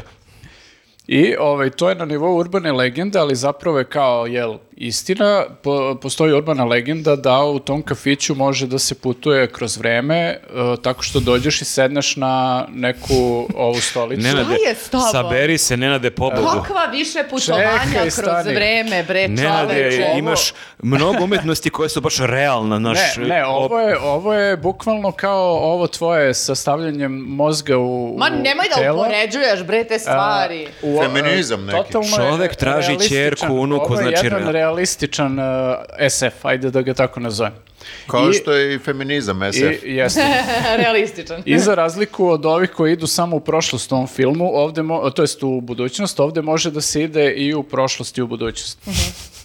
Uglavnom, Jel ima vanzemaljac? e, nema vanzemaljaca. Znači, kafić je potpuno običan i postoje samo neka određena pravila koja ti moraš da ispuštuješ kad dođeš, ako hoćeš da putuješ kroz vreme, ali većina ljudi Kao kupiš kao? kad čuje ta pravila, odustane, zato što uh, jedno od pravila glasi da ništa neće da se promeni u uh, Sadašnjosti. sadašnjosti ako ti odeš u prošlost, da iz kog razloga god hoćeš da, ho- da odeš, Ne možeš da promeniš. neće da se promeni sadašnjost i svi se tu smore kod tog uslova kad saznaju. Ove, i drugi uslov je da, tako se zove knjiga, dok se kafa ne ohladi, ti moraš da popiješ tu, imaš ograničeno vreme naravno, moraš da popiješ tu kafu koju dobiješ u kafiću u nekom određenom vremenu, znači onog momenta kad postane hladna, e, onda si u problemu. Ako, se, ako ne iskapiš kafu do kraja, da bi mogao da se vratiš nazad. A ako Znači- naručiš single espresso, on se mnogo brzo hladi. Ne, ne, imaš određenu kafu, uvek je ista. Znači, ti samo možeš da dodaš šećer. Čekaj, ti si znači u prošlosti eh, dok ti je kafa mlaka. Jesam Ne, dobro, ne, ti, dobro ti razumeo. u sediš, budućnosti? ne, ne, ti sediš sve vreme na jednoj stolici i stoji i to je jedan od uslova, ne smeš da ustaješ sa te stolice.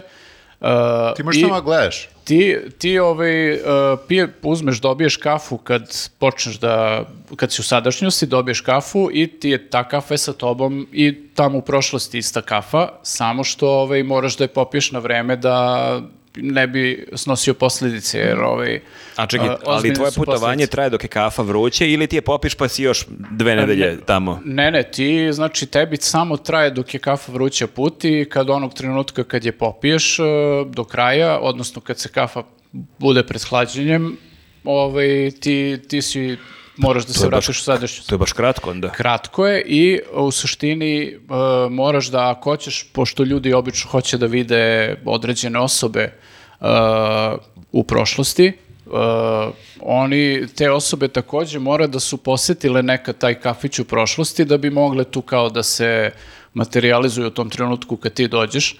I ovaj, tako da dosta tih nekih pravila ima koje moraš da ispoštuješ da bi mogao to- da, da otputuješ u prošlost. To je pisao neko ko kao ili savjeta jako voli strukturu.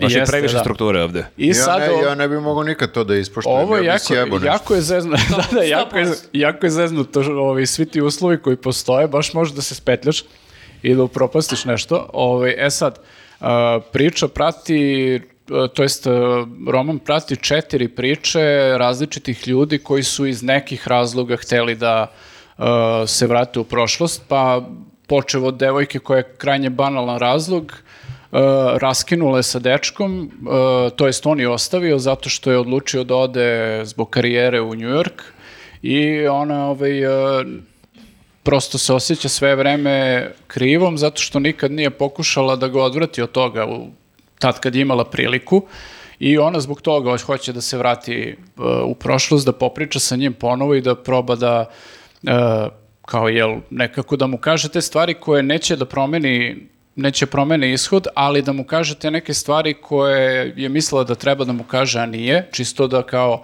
on ovaj, u toj sadašnjosti Ma, ona zna da laže. Ma treba pričati na vreme s partnerima, ne Mora da se kasne priča, ovo. da. Mislim, Pa do stvarno. nekih uh, ultra teških uh, zajbanih životnih situacija gde su ljudi onako u uh, odnosima sa bliskim ljudima uglavnom uh, imali prilično neke ono velike omaške i to i sad kao pokušavaju ne toliko ne mogu to da promene, ali pokušavaju neko svoje kao ovaj, uh, iskupljenje, zadovoljenje da tim putem u prošlost uh, dobiju. I A čekaj, o to je, svi se vraćaju u neku blisku prošlost, ne idu ono u epohu, ne znam, 15. ne idu, vek. Da, da, ne idu u epohu, znači taj kafić postoji 100 godina unazad, ali svi se vraćaju u nekom momentu kad je, kad je i ta osoba njima bliska isto bila u tom kafiću i to je ovaj, neka bliža prošlost, eto, mislim, godine su u pitanju eventualno. I e, na kraju... To, ima- ne, to je rečenica koju ne treba da kažeš. ne, ne, ne. Na kraju imaš ovaj neku poruku koja je meni onako malo koeljovska. Uh, ovaj, to, mislim, nek pročitaju ljudi pa će, pa će videti, ali uglavnom uh, ti se sve vreme pitaš p- zapravo kao kako bi se ti ponašao u toj nekoj situaciji, kao ako imaš toliko tih nekih uslova, ako ne možeš da promeniš ništa, kao što bi uopšte uh, radio tako nešto. meni ovo čak i delo da postoji meni ovo delo mogućnost. kao panika, ti se vratiš u neku prošlost 5, 10, 20 godina unazad, ali ti sve vreme znaš da se kafa hladi, da ti odbrojevaš koliko ti je još ostalo vremena da kažeš što si teo da kažeš. Mislim, baš, Moraš, e, ne hvala. Jako, je- jako je mnogo, mislim, to jeste... Ovaj, Pa Dobro, osmisliš unapred, vežbaš. E, jeste, ali ti kad se susretneš sa tom osobom nekom bliskom u prošlosti, e, ne teče taj razgovor e, tako kako si ti saopštenje zamislio u neko. glavi, da, nego ima i neku svoju drugačiju dinamiku i sad uvijek je rizik da li ćeš ti stići da kažeš sve što želiš ili da se to razvije na određeni način dok se ta kafa ne ohladi. E, vidiš, Čekaj, je savjeta, to je horor, a ne čudovište je Ne, ostalo. ne, slažem se. A da čekaj da ti kažem nešto. Znači, a, a, ti z- možeš onda da, ako nisi stigao sada, onda vratiš se sutra, kupiš opet Da Dođeš kafu. Opet dupli espresso. Da, ne, možeš s- koliko god hoćeš. puta. ne, svako može samo jednom da... A je, pa mnogo je to pravila, pa ne, Nenade, ne, ne. stvarno, brate. Previše strukture. Mm, Ja Pa, sam ali prva vidiš- ljubiteljka strukture, vidiš- ali ovo je Vidiš da je previše. čovjek mislio na sve, ne možeš da sad uh, ideš tamo ovamo sto puta. A jel možeš da ovako poneseš svećicu i da držiš kafu? Sto, To je non đidanje, stop? ne može. Ne može. vidi. E, e, ja sam isto pokušao da nađem neke rupe u tim pravilima, dosta je mislio čovjek Ne, na sve. E, lik je baš o, pa, japanac Ja to, mislim, te- ja struktura. mislim da, on ima strukturu i mislim da je našao ovaj, još ovako seo sa društvom i pokušavali su da nađu rupe u svim tim Jo, ja bi pravilima. jako vodio da me neki prijatelj sedne sa mnom i kaže što imam ideju za knjigu i da krenem i ovo prepričava. Baš ga ne bih ohrabrio, moram da kažem. Da. Jer kao jedina stvar, ko- ovo je nešto e, ludilo prodata knjiga, bestseller, ne znam, ono, silni milioni prodatih i to baš je popularna knjiga, ja i nikad nisam čuo za autora, ali ovaj, onako, mislim, zanimljiva je knjiga, ne mogu sad da kažem da sam odlepio, A da te ali pitam. interesantne. Jel možeš sebe da sretneš u prošlosti? E, ne može. Pa jebote. A to je tako glupo, na primjer. Ja- a Pa sad ću ne ti može, kažem ka- zašto. ne može zato što si ti... Ti si ti. Ne, prebacio ti si, u ti, prošlost. a ti si i u prošlosti. Evo, na primjer, kako je to dobro odrađeno u Harry Potteru, onda oni ovako... Može jedan popkast bez Harija Pottera. Ne može, zato što sam sad krenula da gledam iz početka O, i išlo se. a, do kraja godine, a možda i prvih dana januara, to će biti to magično. Dakle, ovako, oni ovako zavrte to i oni odu, ali oni moraju da se kriju, zato što ukoliko oni vide sebe e, e, d- duple, mogu da polude, To je razumiješ? u Back to the E, je, Future imaš na- taj- Nije to, nije ovo paralelna stvar, paralelni univerzum, ovo je prošlost. Elementarno Nešto ili što saveta. se desilo i više ne, nije. Tako da, Pazi, jako nešto volim to ideja putovanja kroz vreme, ovo me, me baš čini nervoznim. da, e, jeste malo e, onako pod pritiskom si sve vreme da odradiš sva ova pravila i da, da ne zezneš nešto. Ovaj, tako da zato većina ljudi odustane. I A kao to potpuno je glupo, zato što kao na kraju dana ne može ništa da se promeni. Pa zapravo može, ali to je ta koeljovska poruka koju dobiješ na kraju knjige. Ovaj, zapravo može. Znači ti se vraćaš praktično u svoje telo tada, e, tada u prošlosti. To je, e, mogla je knjiga da se zove E da mi je bila ova pamet. Recimo. Da, da, da, da, sad kapiram. Da, da. Dobro, dobro, dobro. Može. Da. E, dobro, i e, pomenuo bih e, jedan, e, jednu grafičku novelu. No. ovaj, Vređanje radi vređanja. bukvalno, znači, ovaj, Pomenuo mi jednu Zapravo, grafičku ja sam- novelu. to je strip, Nenade. da mogu da je Kaži, dohvatim bre. ispod stola. što, što nemam duže noge. Ovaj, e, Hugo, e, to jest e, Corto Maltese, je prvi posle smrti Huga Prata, e, autora, znači prošlo je 25 godina skoro od kad je e, ovaj autor preminuo i mislim bio je zaokružen taj opus. E, ovo je sad prvo izdanje, e, prva praktično nova epizoda Uh, ovde je Darkud izdao i uh, radili su Bastian Vives i Mar- Martin Kenen. Uh, ovaj, Martin je inače novinar. E, Samo moram pitam, Viktor, ti znaš ti u kadru i kad se tako izviješ? Ja ne znam, da li ti znaš da kamera hvata... Šta radiš ti? Pokuša da izađe iz kadra, Pa a sve... jedi, samo nemoj da mljackaš na ovo, nego ovako sa Pa strane. to i pokušavam da se sklonim od mikrofona. Delaš jako neprijatno Ovaj. i čudno kad tako imaš fintu. Kao neki baletan. Ovaj, Izvinjavam uh, se Nenadu. Scenarista je uh, istraživački novinar iz Francuske i on je onako lepo priču napisao. Ovaj Bastian je neka strip zvezda, koliko sam razumao u Francuskoj. Nisam toliko u materiji, pa ne znam, ali baš kažu da je dobar ovaj, u, u svom poslu. Francuzi generalno baš vole e, Jesu, strip. da, da. I ovo je sad e, epizoda koja se razlikuje od ovaj Korto Malteze od ranije. E, Korto Malteze je ono ranije ono u tim nekim e, dosadašnjim epizodama bio smešten početak 20. veka od 1900. do 920. otprilike. I tu je upoznavao i, između ostalog u tim svojim avanturama i neke istorijske ličnosti kao što su Jack London i, i razni drugi. I sad ovde je uh, zaokret što su smestili Korta u sadašnje vreme, to jest uh, početak 21. veka, odnosno konkretno period o, oko uh, ovaj 9. s- to jest uh, 11. septembra uh, 2001. I uh, još jedan dodatni twist je što je sad... E, K- Korto je e, modern prilično i Korto je, to je još jedan twist u odnosu na originalnog, on je sad mlad. Znači, mlađi je nego što je bio u ovim e, jel, izvornim Mhm. Mogu da epizodama. bacim pogled. Može. Kako je pitao Samo ko? obriši prvo prste. Kao drugara u pesku. Mogu da Ja obrišem, mogu da uzmem ovu mogu da tvoju obrišem igračku? prste o tu grafičku novelu. Da, uglavnom, e, priča je ovde smeštena, ne znam, u Japan i, i Peru. Mislim, on dolazi do nekog spisa za koji se ispostavi da ima veze sa japanskom kraljevskom porodicom i onda tragom tog spisa vodi ga ta avantura u, u Peru, gde su se navodno sklonili sa nekim, nakon ove rata, sa nekim silnim blagom, zlatom, tamo ovi, ovi njihovi e, koji su prebegli tada. Uh, mislim, dobra je priča i ovaj, crtež, mislim, ovo je bila uključena čak i uh, partnerka Huga Prata, koja inače se bavi uh, kolorom uh, u stripovima, ona je to radila i kod izvornog Korta Maltezea, i ovaj, tako da i ona bila uključena u, iz, u izradu ove, ovog izdanja.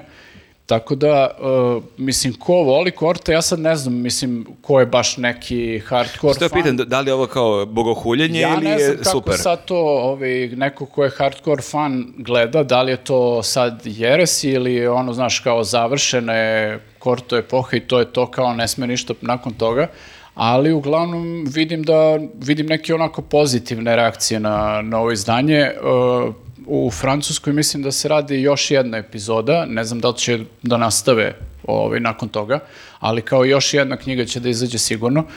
I ovaj, meni, koji nisam toliko vezan za Korte Malteze, a onako čitao sam ga povremeno kao klinac, pa nemam baš toliki neki emotivni odnos. Meni je ovo skroz cool, zato što je kao e, baca neko novo svetlo i on je malo, mislim, on je i dalje Korto, i dalje to taj karakter, samo je mlađi i ovaj, gledaš ga iz neke druge perspektive u, i u modernom dobu.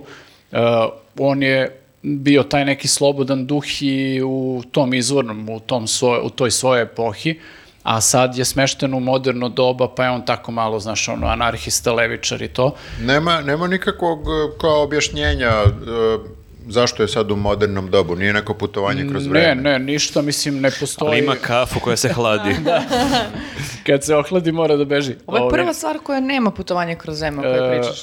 Pa, da, ali tehnički, znaš, kao Korto Mar- Malteze je prebačen 100 godina Uh, Samo, kasnije. da, nemaš objašnjenje zašto. Dobro, dobro, ne, nije samo sam vreme pitao. polubio. Samo A sam dobro, pitao. to je kao i Rome i Julija kad su u 90-ih u Njujorku, znaš, Pa to jeste, je da, to ta prihvatiš, sloboda. da, prihvatiš kao oni su odlučili da, da idu iz te perspektive, mislim, o- to mu dođe kao, ne znam, a, vezano, kad gledaš njegove godine, to je kao neki prequel, a kad gledaš epohu, to je sequel, on u odnosu na, ori- na I to originalnu se onda kvar- potire. Tako da, ovaj, e, mislim, super je epizoda, stvarno ja, eto, kažem, ne znam kako će to da tretiraju baš fanovi Korta Malteza, da li će to da im bude jeretički malo, ali meni je skroz, ovaj, skroz cool. Ajde, Si ja sprljao? prolistam malo. E, Malo sam isprljao, izvini. Ali mislim da može da se opere. Okej. Očistit ćemo. Ok, dobro, Dobro, prelazimo muzika. na muziku. Uh, ja imam uh, da se pohvalim da sam uh, uh, otkrila novu pesmu, zamislite. Uh, m, u pitanju su Marčela i Marko Luis, pesmu sam čula na koncertu Marče, Marčelovom. Uh, ove nedelje smo Marko i ja i e, I još razni drugi ljudi. još razni drugi ljudi bili na, na koncertu i mogu vam reći da e, zapravo ja sam kao klinka naravno volala da slušam Marčela i mm, znamo svi ovako privatno usputno da por- m, poslušam svaki njegov singl kad izbaci, međutim nisam toliko kao u kontinuitetu dugo slušala njegovu muziku i bila je situacija na koncertu da mi se stvarno, da sam stvarno osjećala da mi se ježe ruke, glava, celo telo, oči pune suza, knedla u grlu, stvarno je onako Ja sam- jaka mu je. Ja sam bio- Pa Intenzivno to jeste, bude još, jeste. uz ceo taj nastup i sve. ja da. sam bio sa Jasminom koja stvarno znamo baš malo njegovih pesama, više ga znamo privatno, pogotovo ona, ja sam ga slušao, ja sam kupio bio prvi i drugi album, pa od tada ga nisam Mm. previše slušao. Ona nije znala mnogo pesama, ona se toliko rasplakala na jednu pesmu, jer stvarno to je toliko moćno. Mm. Tako da je stvarno bio ovako jedan veliki doživljaj, ali da, i ta pesma, ja uopšte nisam znao e, da se ta pesma sprema, E da, pa čekaj da kažemo kako zove Vatra, uh, va- uh, zove se Vatra u mraku. Da, Marcello i Marko Luis. Jeste, i stvarno, uh, to je jedna od onih pesama koju prvi put u životu čujete i budete u fazonu, ok, ovo ću slušati narednih dana po ceo dan. e, ta, taj mi je bio vibe. Ali nekako, d- osvrnula bi se na kratko samo i na uh, sam koncert uh, Noeva Varka, Mhm. je li tako, uh, Marko? E, pa tako mu se zove album. Tako je. Da, ne znam da li se A, koncert baš tako zvao. Da.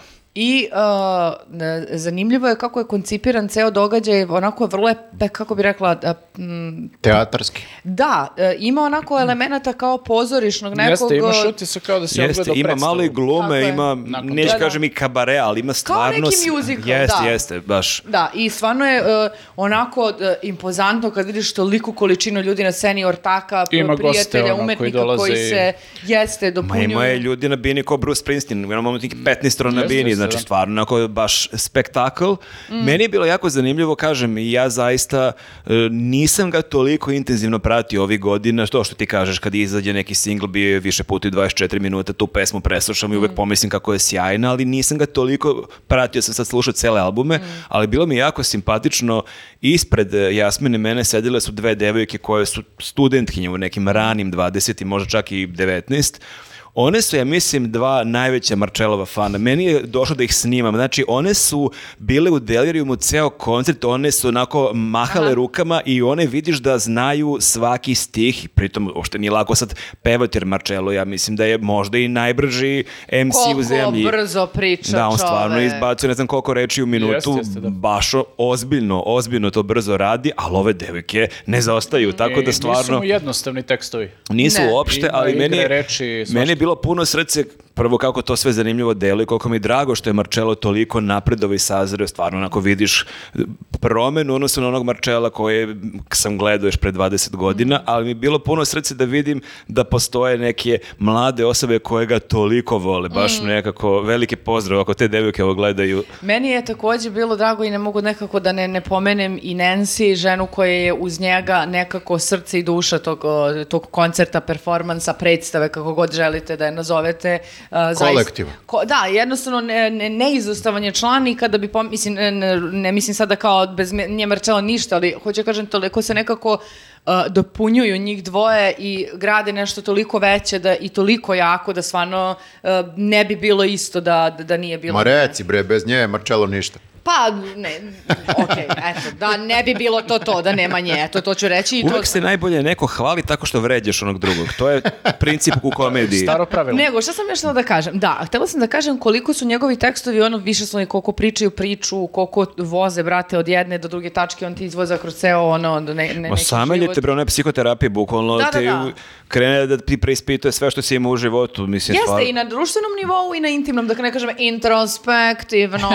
Jeste, kao meljete čitavo društvo, sve te melje, ali onda ti samog sebe, da me melješ samog sebe, jer Da, si u da. takvom društvu i prosto... Skidaš sloj po, ona pesma sloj po sloj, kad on ba... ba- Jo, bože, gospode, Ja raspala ne znam, sam se. Marcello, opušteni, daj malo laganijih Vedre hitova, teme, slušam malo. tvoga srca, otkuca je, Daj malo neki- toga nam neki daj bre. letnji hit nam treba. Ajde bre, više samla mi, žena mi se raspala bre tamo, ajde bre. Neku komediju daj. A i Malo. ovde sa Markom Lujicom, te, znaš kao, tamo nekako malo te zanese kao, uh, želim da si uvek tu, ja sam u fazonu, da, da, da, da, da, i kao i onda bam, treći maj, o, da, da, mrakača kreće, ako nemoj, molim te sad. Još nešto, znači Marcello nas izvozao, izlupao nas o pod i onda na afteru je Marcello je deste. Ko, Čekaj bre, nema deste, kakav osmeh. Gde, E, izvini, Se, gde bre, sami se smeješ. gde, a- kako ste, jel vam treba ovo- zagrlje? Ovo mi je možike sad. Pa tako, on se ispraznio čovjek. i njemu Jes, super. ispradio se na meni i na moje ženi tu i izmlatio nas i kao, ej, gde ste, aj, živjeli, šta bre, živjeli? Smo mi to sad u stvari izvređali, Marčala. Naravno da smo ga izvređali, ideja je bila da ga pohvalimo i Ma, njega i super je Nancy sve i sve.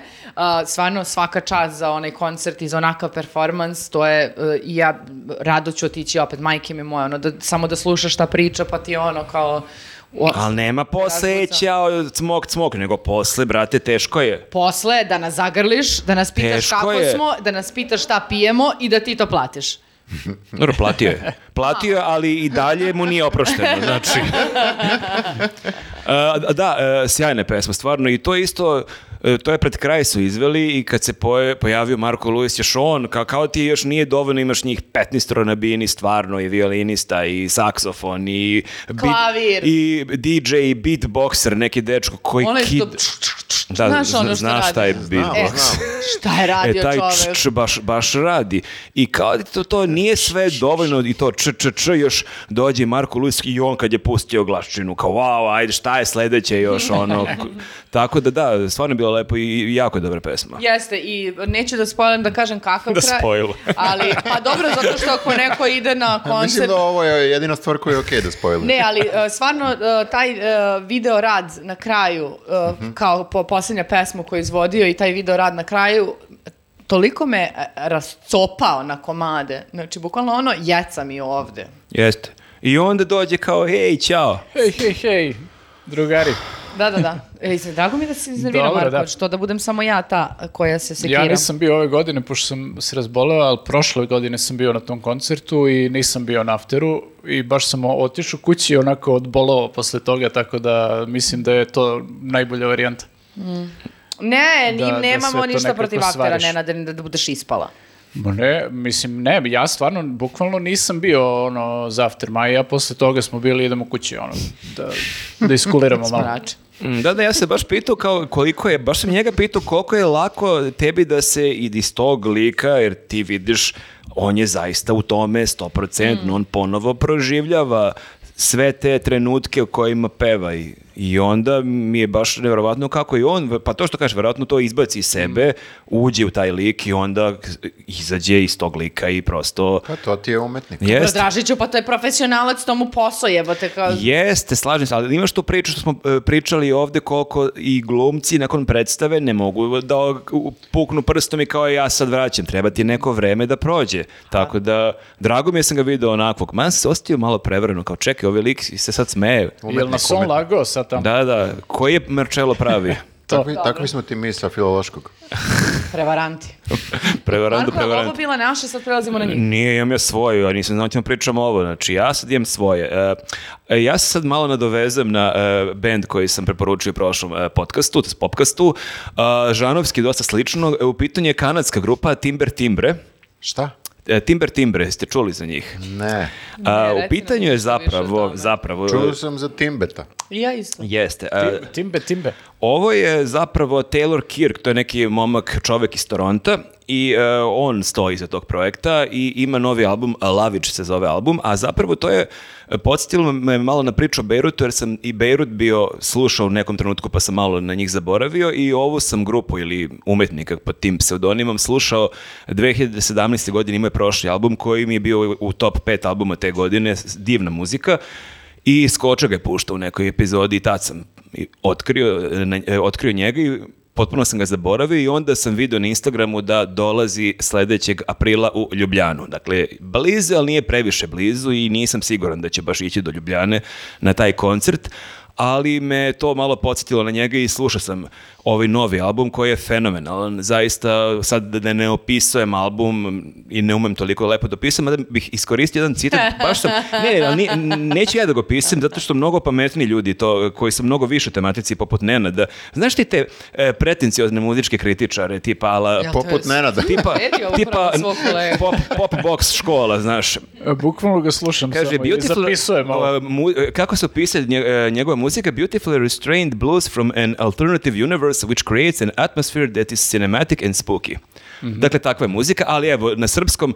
uh, Ko, Filmično je. ko voli recimo The National, ko voli Tindersticks, ko voli Koena, ko...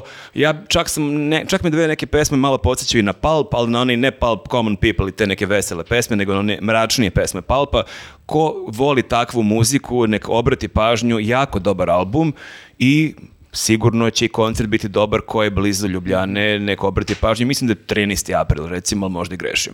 Mhm. Dobro, Nenada, ćeš sada da ga prebiješ ili kad završiš sa muzikom? Šta je, posle ćemo to da ali rešimo on je van svestan da je kamere. pretenciozan, pa nemojte, ali to nije... Ne možeš da govoriš takve stvari s tim kolegama, razmišljaj o našim I- osjećanjima. Ja vama svašta govorim, moram da kažem, ali realno i vi, pre- i vi meni, tako da je to... Nikad ti niko od nas nije rekao ovako nešto. Bukvalno si mi vređala porodici, psovala si mi sve koje To što imamo. sam ti psovala, to je druga stvar, ali ovako da te E, uvredim, da ti Nenade, kažem e, pretenciozno Naš si. pretencijozni muzički Ja, da. kritičar ne... što ja sad? Pa dobro, ja sam... A, Viktor, ajde. Pa ja, ja- bio sam ja na koncertu. No, bravo, bro. A da, jesi. Sam sam bio na Bravo. koncertu. Niko nije teo da ide sa mnom. That's the spirit. E, ali jako mi je smešno, Viktor je zaista tako pisao nama, hoće neko sa mnom na gobline i onda je ubeđivao jednog po jednog i svi smo ga ispalili. To- Nije, ja stvarno mi je žao bilo kad je još... Nenad je bio bolestan, Ja, inače ko bi za išao. baksu, znači na mačela, to je bilo dan za danom, bukvalno. Da. I još on kad se javio za, za gobline, a stvarno nisam mogao, nisam bio u stanju, a otišao bih, mislim, ono... Ali ja sam baš to hrabrio, nisam ni rekao do sto sam, godina. Viktore, idi sam. Ja sam, Yes. I ja isto. Ja sam stvarno, nemam problem da idem sam ni u bioskop Ni- ni ja i isto, na da. koncerte, više nemam tu barijeru. Treba promovisati odlaske sa, sa, samačke odlaske. Ma ne, ja šta- Pozorište, film, uh, Ma, Putovanja, bre, putovanja. ma ajde. Ja, Ajde, ja koncerte. šta slušam, ja bih na pola koncerta sam išao sam, zato što nemam s kim da Ali odem, koliko tako sam da- ja, go- koliko to sam je ja druga stvar. vremena u mladosti izgubio na ubeđivanje raznih ljudi, Ma jer da, kao mislim. osjećaš se luzerski, kao idem sam, jel to znači da sam ja jadan, da ne, ne bre, ideš sam, bre, šta te briga, tako da Viktore svaka čast. Nisi loser. Mislim, Ti si naš Real- star. mislim, nisi potpunosti luzer. Nezgodno je kad ideš sam, mislim to je, mislim nije mi prvi put da idem sam, ali svaki put kad odem sam na neki koncert eh, mnogo popijem. Jer nemam s kim da ćaskam i onda kao samo pijem. Razumem te, ja samo sipam u sebe. Da. I onda, eh, al, eh, Onda okej sam posle trećeg pri- pića pričaš sa svima. Super sam se proveo. Da, da. Nekako me malo onako vratilo u mladost. Bio sam na dosta goblin, eh, go- goblinovih, go- koncerata goblina. Na dosta goblina. Da. Na dosta goblina sam bio. E, a i skoro pa je 30-godišnjica od prvog koncerta goblina na koje, sam- koje sam bio. Mhm. Mislim, skoro. Ja- ja- ako se dobro sećam, bila je možda neka 94. peta, ne znam ni ja. Tako Pa da, da, bliži se, verovatno. bliži se. Pa da. dobro, sa, onda sa sigurnošću možemo reći da nisi loser, ali si star. I da sam stari, A, jesam. matori luzer, to, je sam- najgore. E, ali e, publika je tako nekih mojih godina, pa još i starija, E, Pa dobro, onda. na, na goblinima i to se vidi po tome što nema mnogo šutki. Čak ja mislim da je bilo nula šutki. Možda je bila... Što je čudno za punk koncert. Pa da, jeste čudno, ali nije čudno kad vidiš da su to ljudi sa kolinima kao što su moja. I jeste da neko šutne nekog Pa Ne osoba A može iz noge. ispred doma omladine štandovi za prostetiku i privatne klinike Ali moram za da kažem, kukove. bilo je dosta i uh, jako mladih, to su pretpostavljam deca od, uh, Aha, od ljudi okej. koje su moje Ali ne godište. možda da ćaleta šutne, baš nije okej da... Ne, bilo je neki tu kao uh, šutkice uh, te dece, ali to je, kako da kažem, onako možda malo iznenađujuće. Eto, mislim da su i možda sami goblini očekivali da to bude malo onako, jer oni su, iako su i oni sad očigledno stari, vidi se, ovako ost- ostarili su, ali su puni energije, is- isto kao i pre 30 godina. Tako da to mi je Jel, jel onako se bilo... ne osjeća neki pa- Ne. pad u energiji? Ne, ne, ne, ne. Pa ljudi, Ja- što se iznenađujete tim stvarima? Pa to su profesionalci, kažem Jesu. opet. I, I vrlo, me- to mi je baš drago da su nekako kao, iako je to punk i kao očekuješ da to svu- sve bude opušteno i šta ti ja znam, Goblini su vrlo profesionalni, Koji uvek treba da bili. budu, da, mislim, to je. I zato su i ono, prilično, prilično veliki bend. Nekako mi je drago da, da vidim da jedan takav uh, žanr živi i dalje kroz, kroz njih. Ne samo Mm. kroz njih, naravno, ali, ali nekako oni su mi naj, ono, Mhm. najsvetliji predstavnici tog žanra. Eto tako, to je, nisam mnogo slušao muzike, ali ali sam ponosan što sam otišao na neki koncert posle, posle du- dugo vremena. Bio sam, moram da kažem, i danas sam bio na jednom koncertu, A bebećem. bebećem koncertu, da. U- Filharmonija ima koncert za bebe. Zahvalio bi se Mini iz eh, Filharmonije koja je ovaj me pozvala da me da me da nas uvede u stvari iako, iako smo propustili da eh, kupimo karte, ne da kupimo karte nego da rezervišemo tamo mesta i eh, eh, super je doživljaj. Ja nisam znao da to tako izgleda. I tu je bilo malo šutki. E, ali bilo je zapravo jako mnogo bacanja u tom fan pitu, zato što je ispred, ovaj, ispred same bine postoji jedan o- ogroman kao sunđer igraonica, gde su, jel tako, bebe različitih u- u- uzrasta, ja bih rekao od najmanjih onih, pa sve do neke možda dve, tri godine, ne znam, možda, možda i malo jače, ali oni su svi tu zajedno sa jeli, roditeljima izuveni i onda dok ovi e, sviraju, tu je šutka. Stage A kako diving. je be- be- beba da. reagovala Da. na... Jako dostojanstveno. Jako dostojanstveno e, slušala je e, muziku. Ja ne znam da ponovim, znam isto kao, koliko i ona koja je to ovaj, muzika bila. Ma dobro, nema veze, nego kao gledala ovako i čutala i... Jeste, je, uglavnom je, prvo je gledala i čutala i onda je malo gledala drugu decu koja su Mhm. nedostojanstveno se valjala po tom. ovaj, Carica moja. da. E, Gospodja neće da se bacaka tamo. Tako da preporučio bih svakom, samo što ja, e, jako brzo planu te karte. Mhm. E, bukvalno je za, ja mislim, nekoliko minuta, ja ne znam, moram da se A znači, uvucim. to nije neka klasična muzika tu. To je klasična A, muzika. klasična muzika, okej. Da, da, klasična je muzika i full je ovaj koncert, Orkestar. orkestar filharmonije. e, Vrlo onako, kako bih rekao, to zvuči kao što i treba da zvuči, samo što imaš taj doživljaj da ujedno i e, gledaš šta radi dete. Da su i bebe tu. A jel da su i deci bebe to tu, da. nije preglasno? Ne, nije, ja sam isto to A mislio. zato- majku mu prilagodili su valjda. Pa nisu Ne može prilagodili. otiša Ne, sad. oni gruvaju kako Ne, ne, ne, gruvaju. oni, oni gruvaju kako gruvaju. i Oni su meni- profesionalci. I, da. Pa ne bi o- pravili koncert da ojade decu za Šta će da, decu. nežnije svira klavir, kako? Pa jel ima Ma ne. ono forte, adagio i ne znam nija šta, pa neće sigurno da gazi forte, forte. Da, šta? Bilo je i forte, forte malo. Nema bebađo. Bebađa. Ima neki bebađa. Bilo je malo fortea, znaš, kao i malo te onako grune i, i baš gledaš kako reaguju deca, ali na njih ja mislim da to u- ne utiče na taj način, njima je to Pa zabavno. dobro, pa decu uspava zvuk usisivača, mislim. svu Nemaju oni decu. problem sa bukom. Probao si ja. Pa deca slušaju one heavy metal neke bendove, ako se ne vaš. Slušaju svašta. Ali to tek od druge godine. Da. A, da. Cool. E, pre- svaka preporuka, svaka preporuka i još jednom e, hvala mini. Još iz nisam ni Filharmonije. znao da to postoji. Strava. Jel, e, sad dolazimo na onaj segment e, svaštara, ma da Ne mislim- bre, Nenad, šta je s A tobom Nenad, danas? izvinjavam se. Nenad muzika. A, ja se izvinjavam, stvarno. Ovaj, e, ništa, ja ću kratko o jednom albumu koji je izašao e, bukvalno pre par dana, od- odnosno dan pre snimanja ovog podcasta i slušao sam ga mahnito zato što sam ga čekao toliko dugo. E, Zove se band Health, inače elektronski je band u pitanju, ali ne baš tipičan elektronski band, e, ono, kombinuju kao neki elektro rock industrial, ali preko te ono tvrde elektronike e, najnežniji glas koji postoji. Operski glas. E, ne baš operski, ali da kažemo evnuhovski. Evnuhovski. A, znači muški. Aha. E, Muški je glas, tro, troj- trojka je u pitanju, tri, tri lika iz LA-a stoji iza tog benda, iza projekta. Pa su oni stvarno evnusi ili?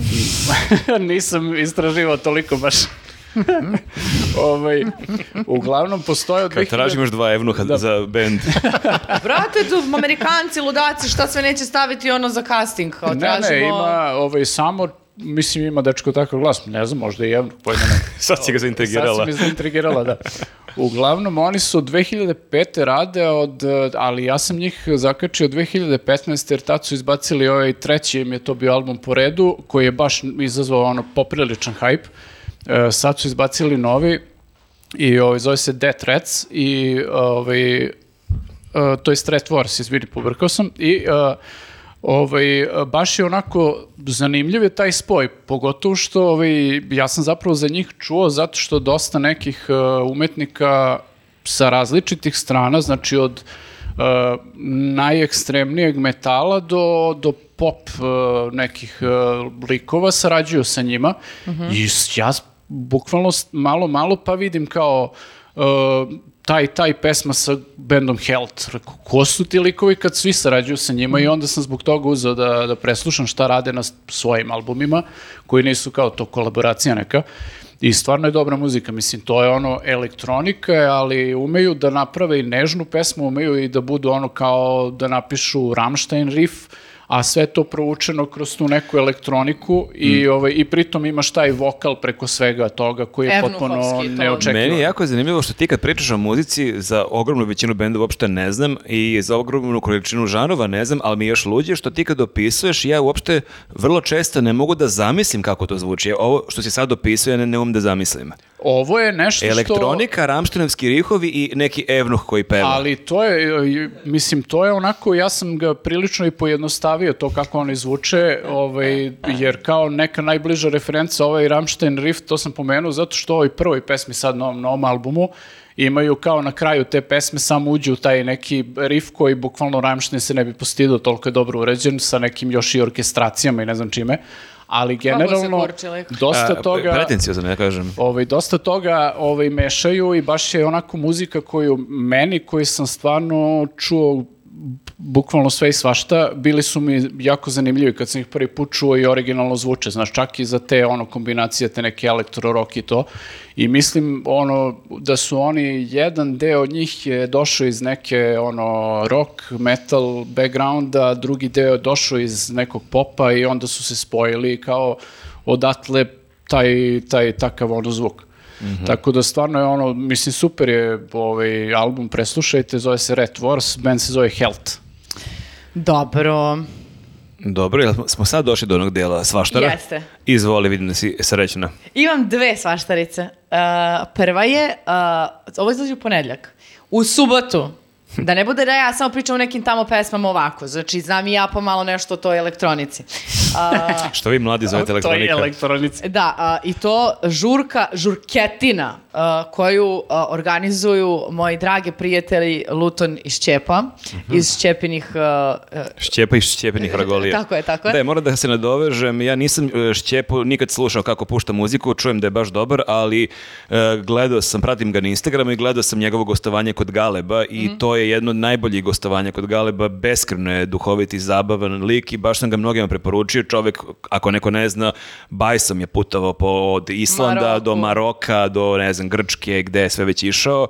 I, a, a i što on to zanimljivo prikazuje na svom kanalu, nego i kod Galeba kad je pričao te neke anegdote, to je jedan ovako baš, ja sam trčao dok sam ga slušao, ja sam se toliko smeo u par navrata da sam morao da stanem sa trčanjem.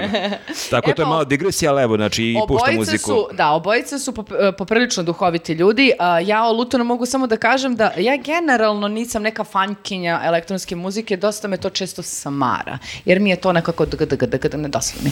Međutim, a, ja sam jednom prilikom bilo u fazonu šta slušamo mi sada ovo, ko je ovaj čovek, zato što je meni sve vreme bilo jako veselo, ja sam, ali nisam bila ja nešto posebno veselija u odnosu na inače, nego me je ta muzika nekako vozila i bilo mi je super. Ja sam bila u fazonu, ja ovo kapiram i ovo, o, na ovo, uz ovo bi mogla da se Elektronika zabavljam. pomeri čoveka. Elektronika pomeri čovek. E Mik- sad, Mikrodozing. E, a sad zam... Ne, ne, nemoj da sada... e, I sad zamislite kada spojite Sad si E, ta bila dva... prema Viktoru jako gruba. Nisam, kao što ti možda Sad si budeš prema grubi meni. zao. S- Nemoj da me prekidaš. Znači, e sada kada spojite ta dva čoveka, ta dva brata rođena, a, i obučete ih u crveno, to će biti tema, verovatno, mi- ne verovatno ove žurke, nego Čekaj, oni biće- se stvar, stvarno braće. Oni su stvarno Aha, braća okej, rođena. ne znam, pa ne znam. Znači, u hangaru Liče malo. 16.12. uh, će njih dvojice nastupiti. Uh, mi ćemo imati, samo da vam kažem, ovo će isto biti ekskluzivna informacija. Uh, ovih dana ćemo podeliti neke karte uh, kroz naš Instagram. Čekaj, Zato- da dobijemo mi bre za nas. Baš mu briga za ove ljude, ali mi dobijemo. Pa ja mislim da možeš da pitaš, ti si hvalio Šćepu, ti Podelit pitaš Šćepu. ćemo nama karte. Dobro, nemoj da Kol- ste bre alavi, bre, koliko- pustite koliko ljude da... karata? Uh, pa dogovorit ćemo se. Meni. A, mene, mene, mene, šta mene, da da mene. Dakle, su? a, za gledalce možda ćemo imati karte. za start. I jedna karta za naše gledalce. Da, očigledno će tako i biti. Šalim se, ne, nismo Najgori bre, likovi. m- mi ćemo da budemo carevi i podelit ćemo karte kroz e, Instagram storije. A, eto, to će biti ovih dana i... e, Čekaj, kad je to? e, u 16. 12. Okej. Dobro, dobro. da. U hangaru, Luka Beograd. Zapamtio sam, evo. Obucite se mnogo lepo, zato što ako je sudeći po njihovim prethodnim žurkama, oni će biti predivno obučeni. Čekaj, u crveno treba. Oni su u crvenom, prošli put su bili u belom i sve je bilo perje, belo, e, disko kugla i to. Inače, oni se stvarno svaki put cimaju u smislu kad prave žurke, oni su jedni redkih ljudi koji ne dođu samo ono sa USB-om ili pločama i kao tu sad nešto smare. Brate, oni... Wow, ti si sad izvređala ceo žanr. Nisam, nisam. Nego hoću samo da kažem da baš cenim zato što se icimaju. Oni su, brati, uh, donose te uh, ogromne disko kugle, LED svetla, ona svetla, Ali to vidiš, da bude to je što sam light rekao show. malo pre, znači način da pohvališ nekoga je tako što ćeš da e, pljuješ druge. To, to je Evo te, uvek najbolji Ja sam postala recept. ko ti u stvari. To je najbolji recept uvek. Loše utičeš na mene. Jeste, znači za razliku od svih DJ-eva koji su sranje, E, ovi, se Ovi su cimaju. dobri, da. Jeste, eto, to je znači nešto... Pro, Jeste. a, a, ne, samo želim da skratim zato što a, kasnimo. A, znači ovako, to je to što sam htela da kažem i svaštarice broj 1 i to sam probala, u smislu i bila sam na njihovim žurkama, mogu da kažem, to je super, idite, nećete se pokajati. Druga stvar na koju ću ići večeras, ako ne zakasnim jer ovo snimamo 50. sat, a, jeste predstava u Beogradskom dramskom pozorištu Lažljivi svet odraslih po romanu Elene Ferrante, a, a, reditelj je Seba- Sebastian e, Ho- Ho- Horvat, jeste.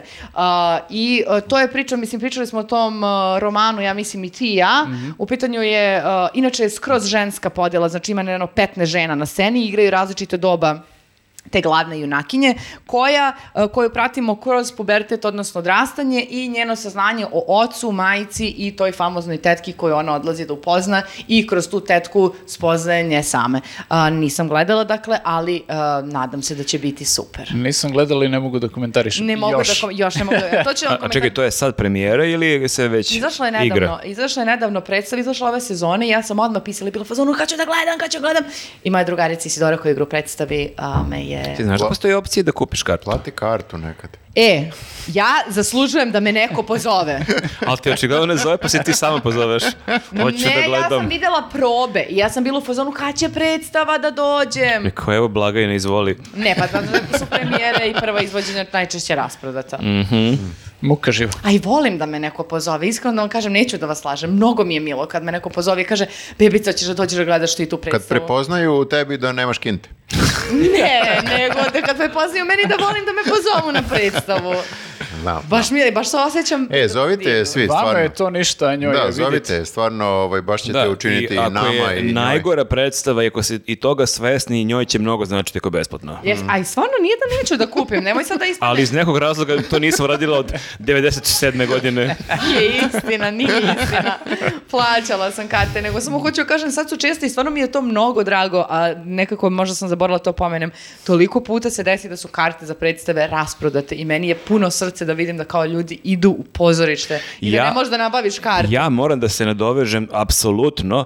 Ja sam više od godinu dana jurio karte za predstavu Voz u Zvezdra teatru. Bukvalno godinu dana i to je, ima tih nekoliko predstava koje Mm. prosto kad, pu- ako puste online u podne, u jedan popodne nema karta za ceo mesec. Ja ja čisto kuću ateljeo i dalje ne mogu da pogledam. Čak sam ja pisao Sergiju na inboxu, toliko sam na kraju bio očajan, kao, brate, može mi da završiš karte i nikad mi nije odgovorio. Ali, Pa ne koristi Facebook ali čovek. sam, ne, ne, Instagram, ali sam e, kupio kartu. Moraš da ideš na obuku kod jeli savjeta Jeste, za ja te moram da stvari. budem e, intenzivniji u tom. Dajte sve, sve nas zovite da idemo da gledamo razne stvari i dajte nam sve besplatno. Jeste, Ne, to ovo nije ja loše. ću isto da kažem, to je, što mislim, ne čak briga. i slogan ovog popkasta. Ja sam tako otišao na ovu filharmoniju, inače nikad ne bi uspeo da kupim karte, mnogo sam spor. I eto, to je... Srećom pa je ova devojka slušala kako sam se žalio, Mhm. isto kao i ti što si sad žalila, i e, bila je dobra duša i uvela nas je unutra. I ti se toliko lepo ispriča i sad ljudi koji možda i nisu znali znaju i mislim i mi smo dali ni- ne- njima nešto nazad. Nije mi samo da uzimamo, uzimamo Mm. ko alavi i da ništa ne pružamo nazad. Ma Ne bre, mi smo ti nacionalna blaga. Mi uzimamo besplatno i dajemo besplatno. Da. Sva Mhm. sreće pa ima nekih dobrih ljudi koji čuju. Pa eto, čujte i počujte dobre ljudi. Zavite. Zovite je. Ti si hteo neki stand-up da spomeneš. Da, Mike Birbilija. Mic drop. Mike Birbiglija. Ne znam kako se izgovara, Bir, birbilja. Birbilja. Birbilja možda. Pa nije, mislim da je Birbiglija. E, berbelja. Berbelja. Bogor. E, super je stand-up, zove se Old Man and the Pool. Znači kao Old Man and the Sea, a samo nije Old Man and the e, Ok. Pool. E, priča o nekoj, nije kriza srednjih godina, nego priča o srednjim godinama u kojima je e, sada si ti? i u kojima sam ja isto, nisam još u tim njegovim, ja mislim, godinama, ali bit ću za par I godina. nemaš bazen. Ne, nema ni on bazen. Priča o bazenu na koji ide da bi malo se rekreirao.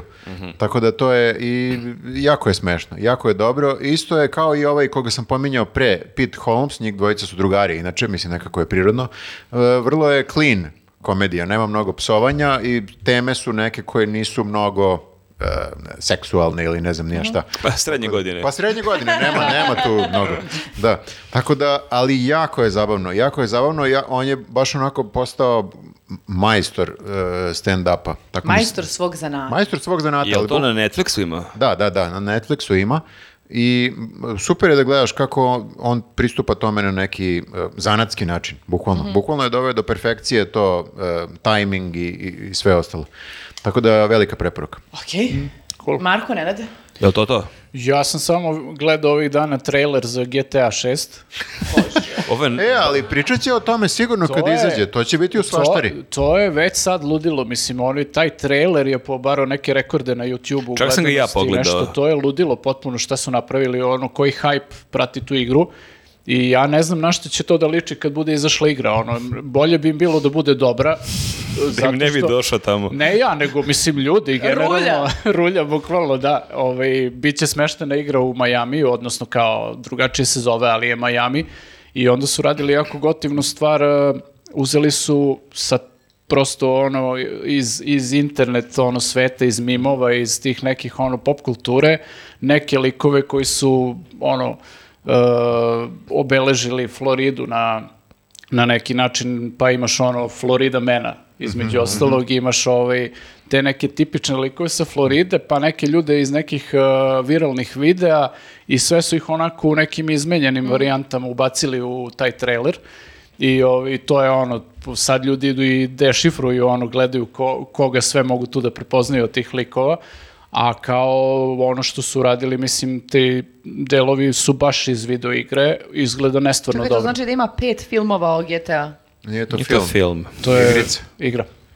Aha, mislila sam da Gospode Bože, Ne, ne, ne, nisam- znam, nego sam mislila da su pravili Pazi, film po igrici. ja ne znam mnogo igricama, ali ovo je baš... Ne, ja znam GTA kad ideš ono od, uh, ulicam, voziš neke automobile i puške i to sve. Da, dobro si opisao. Jeste, nego ho- hoću samo... Ima, možeš i da ima. piškiš na ulici, to znam. da- Ima A, i možda šest, za- ima Može. još neke dodatne koji su kao... U mimo četvrtom toga. delu si Srbin.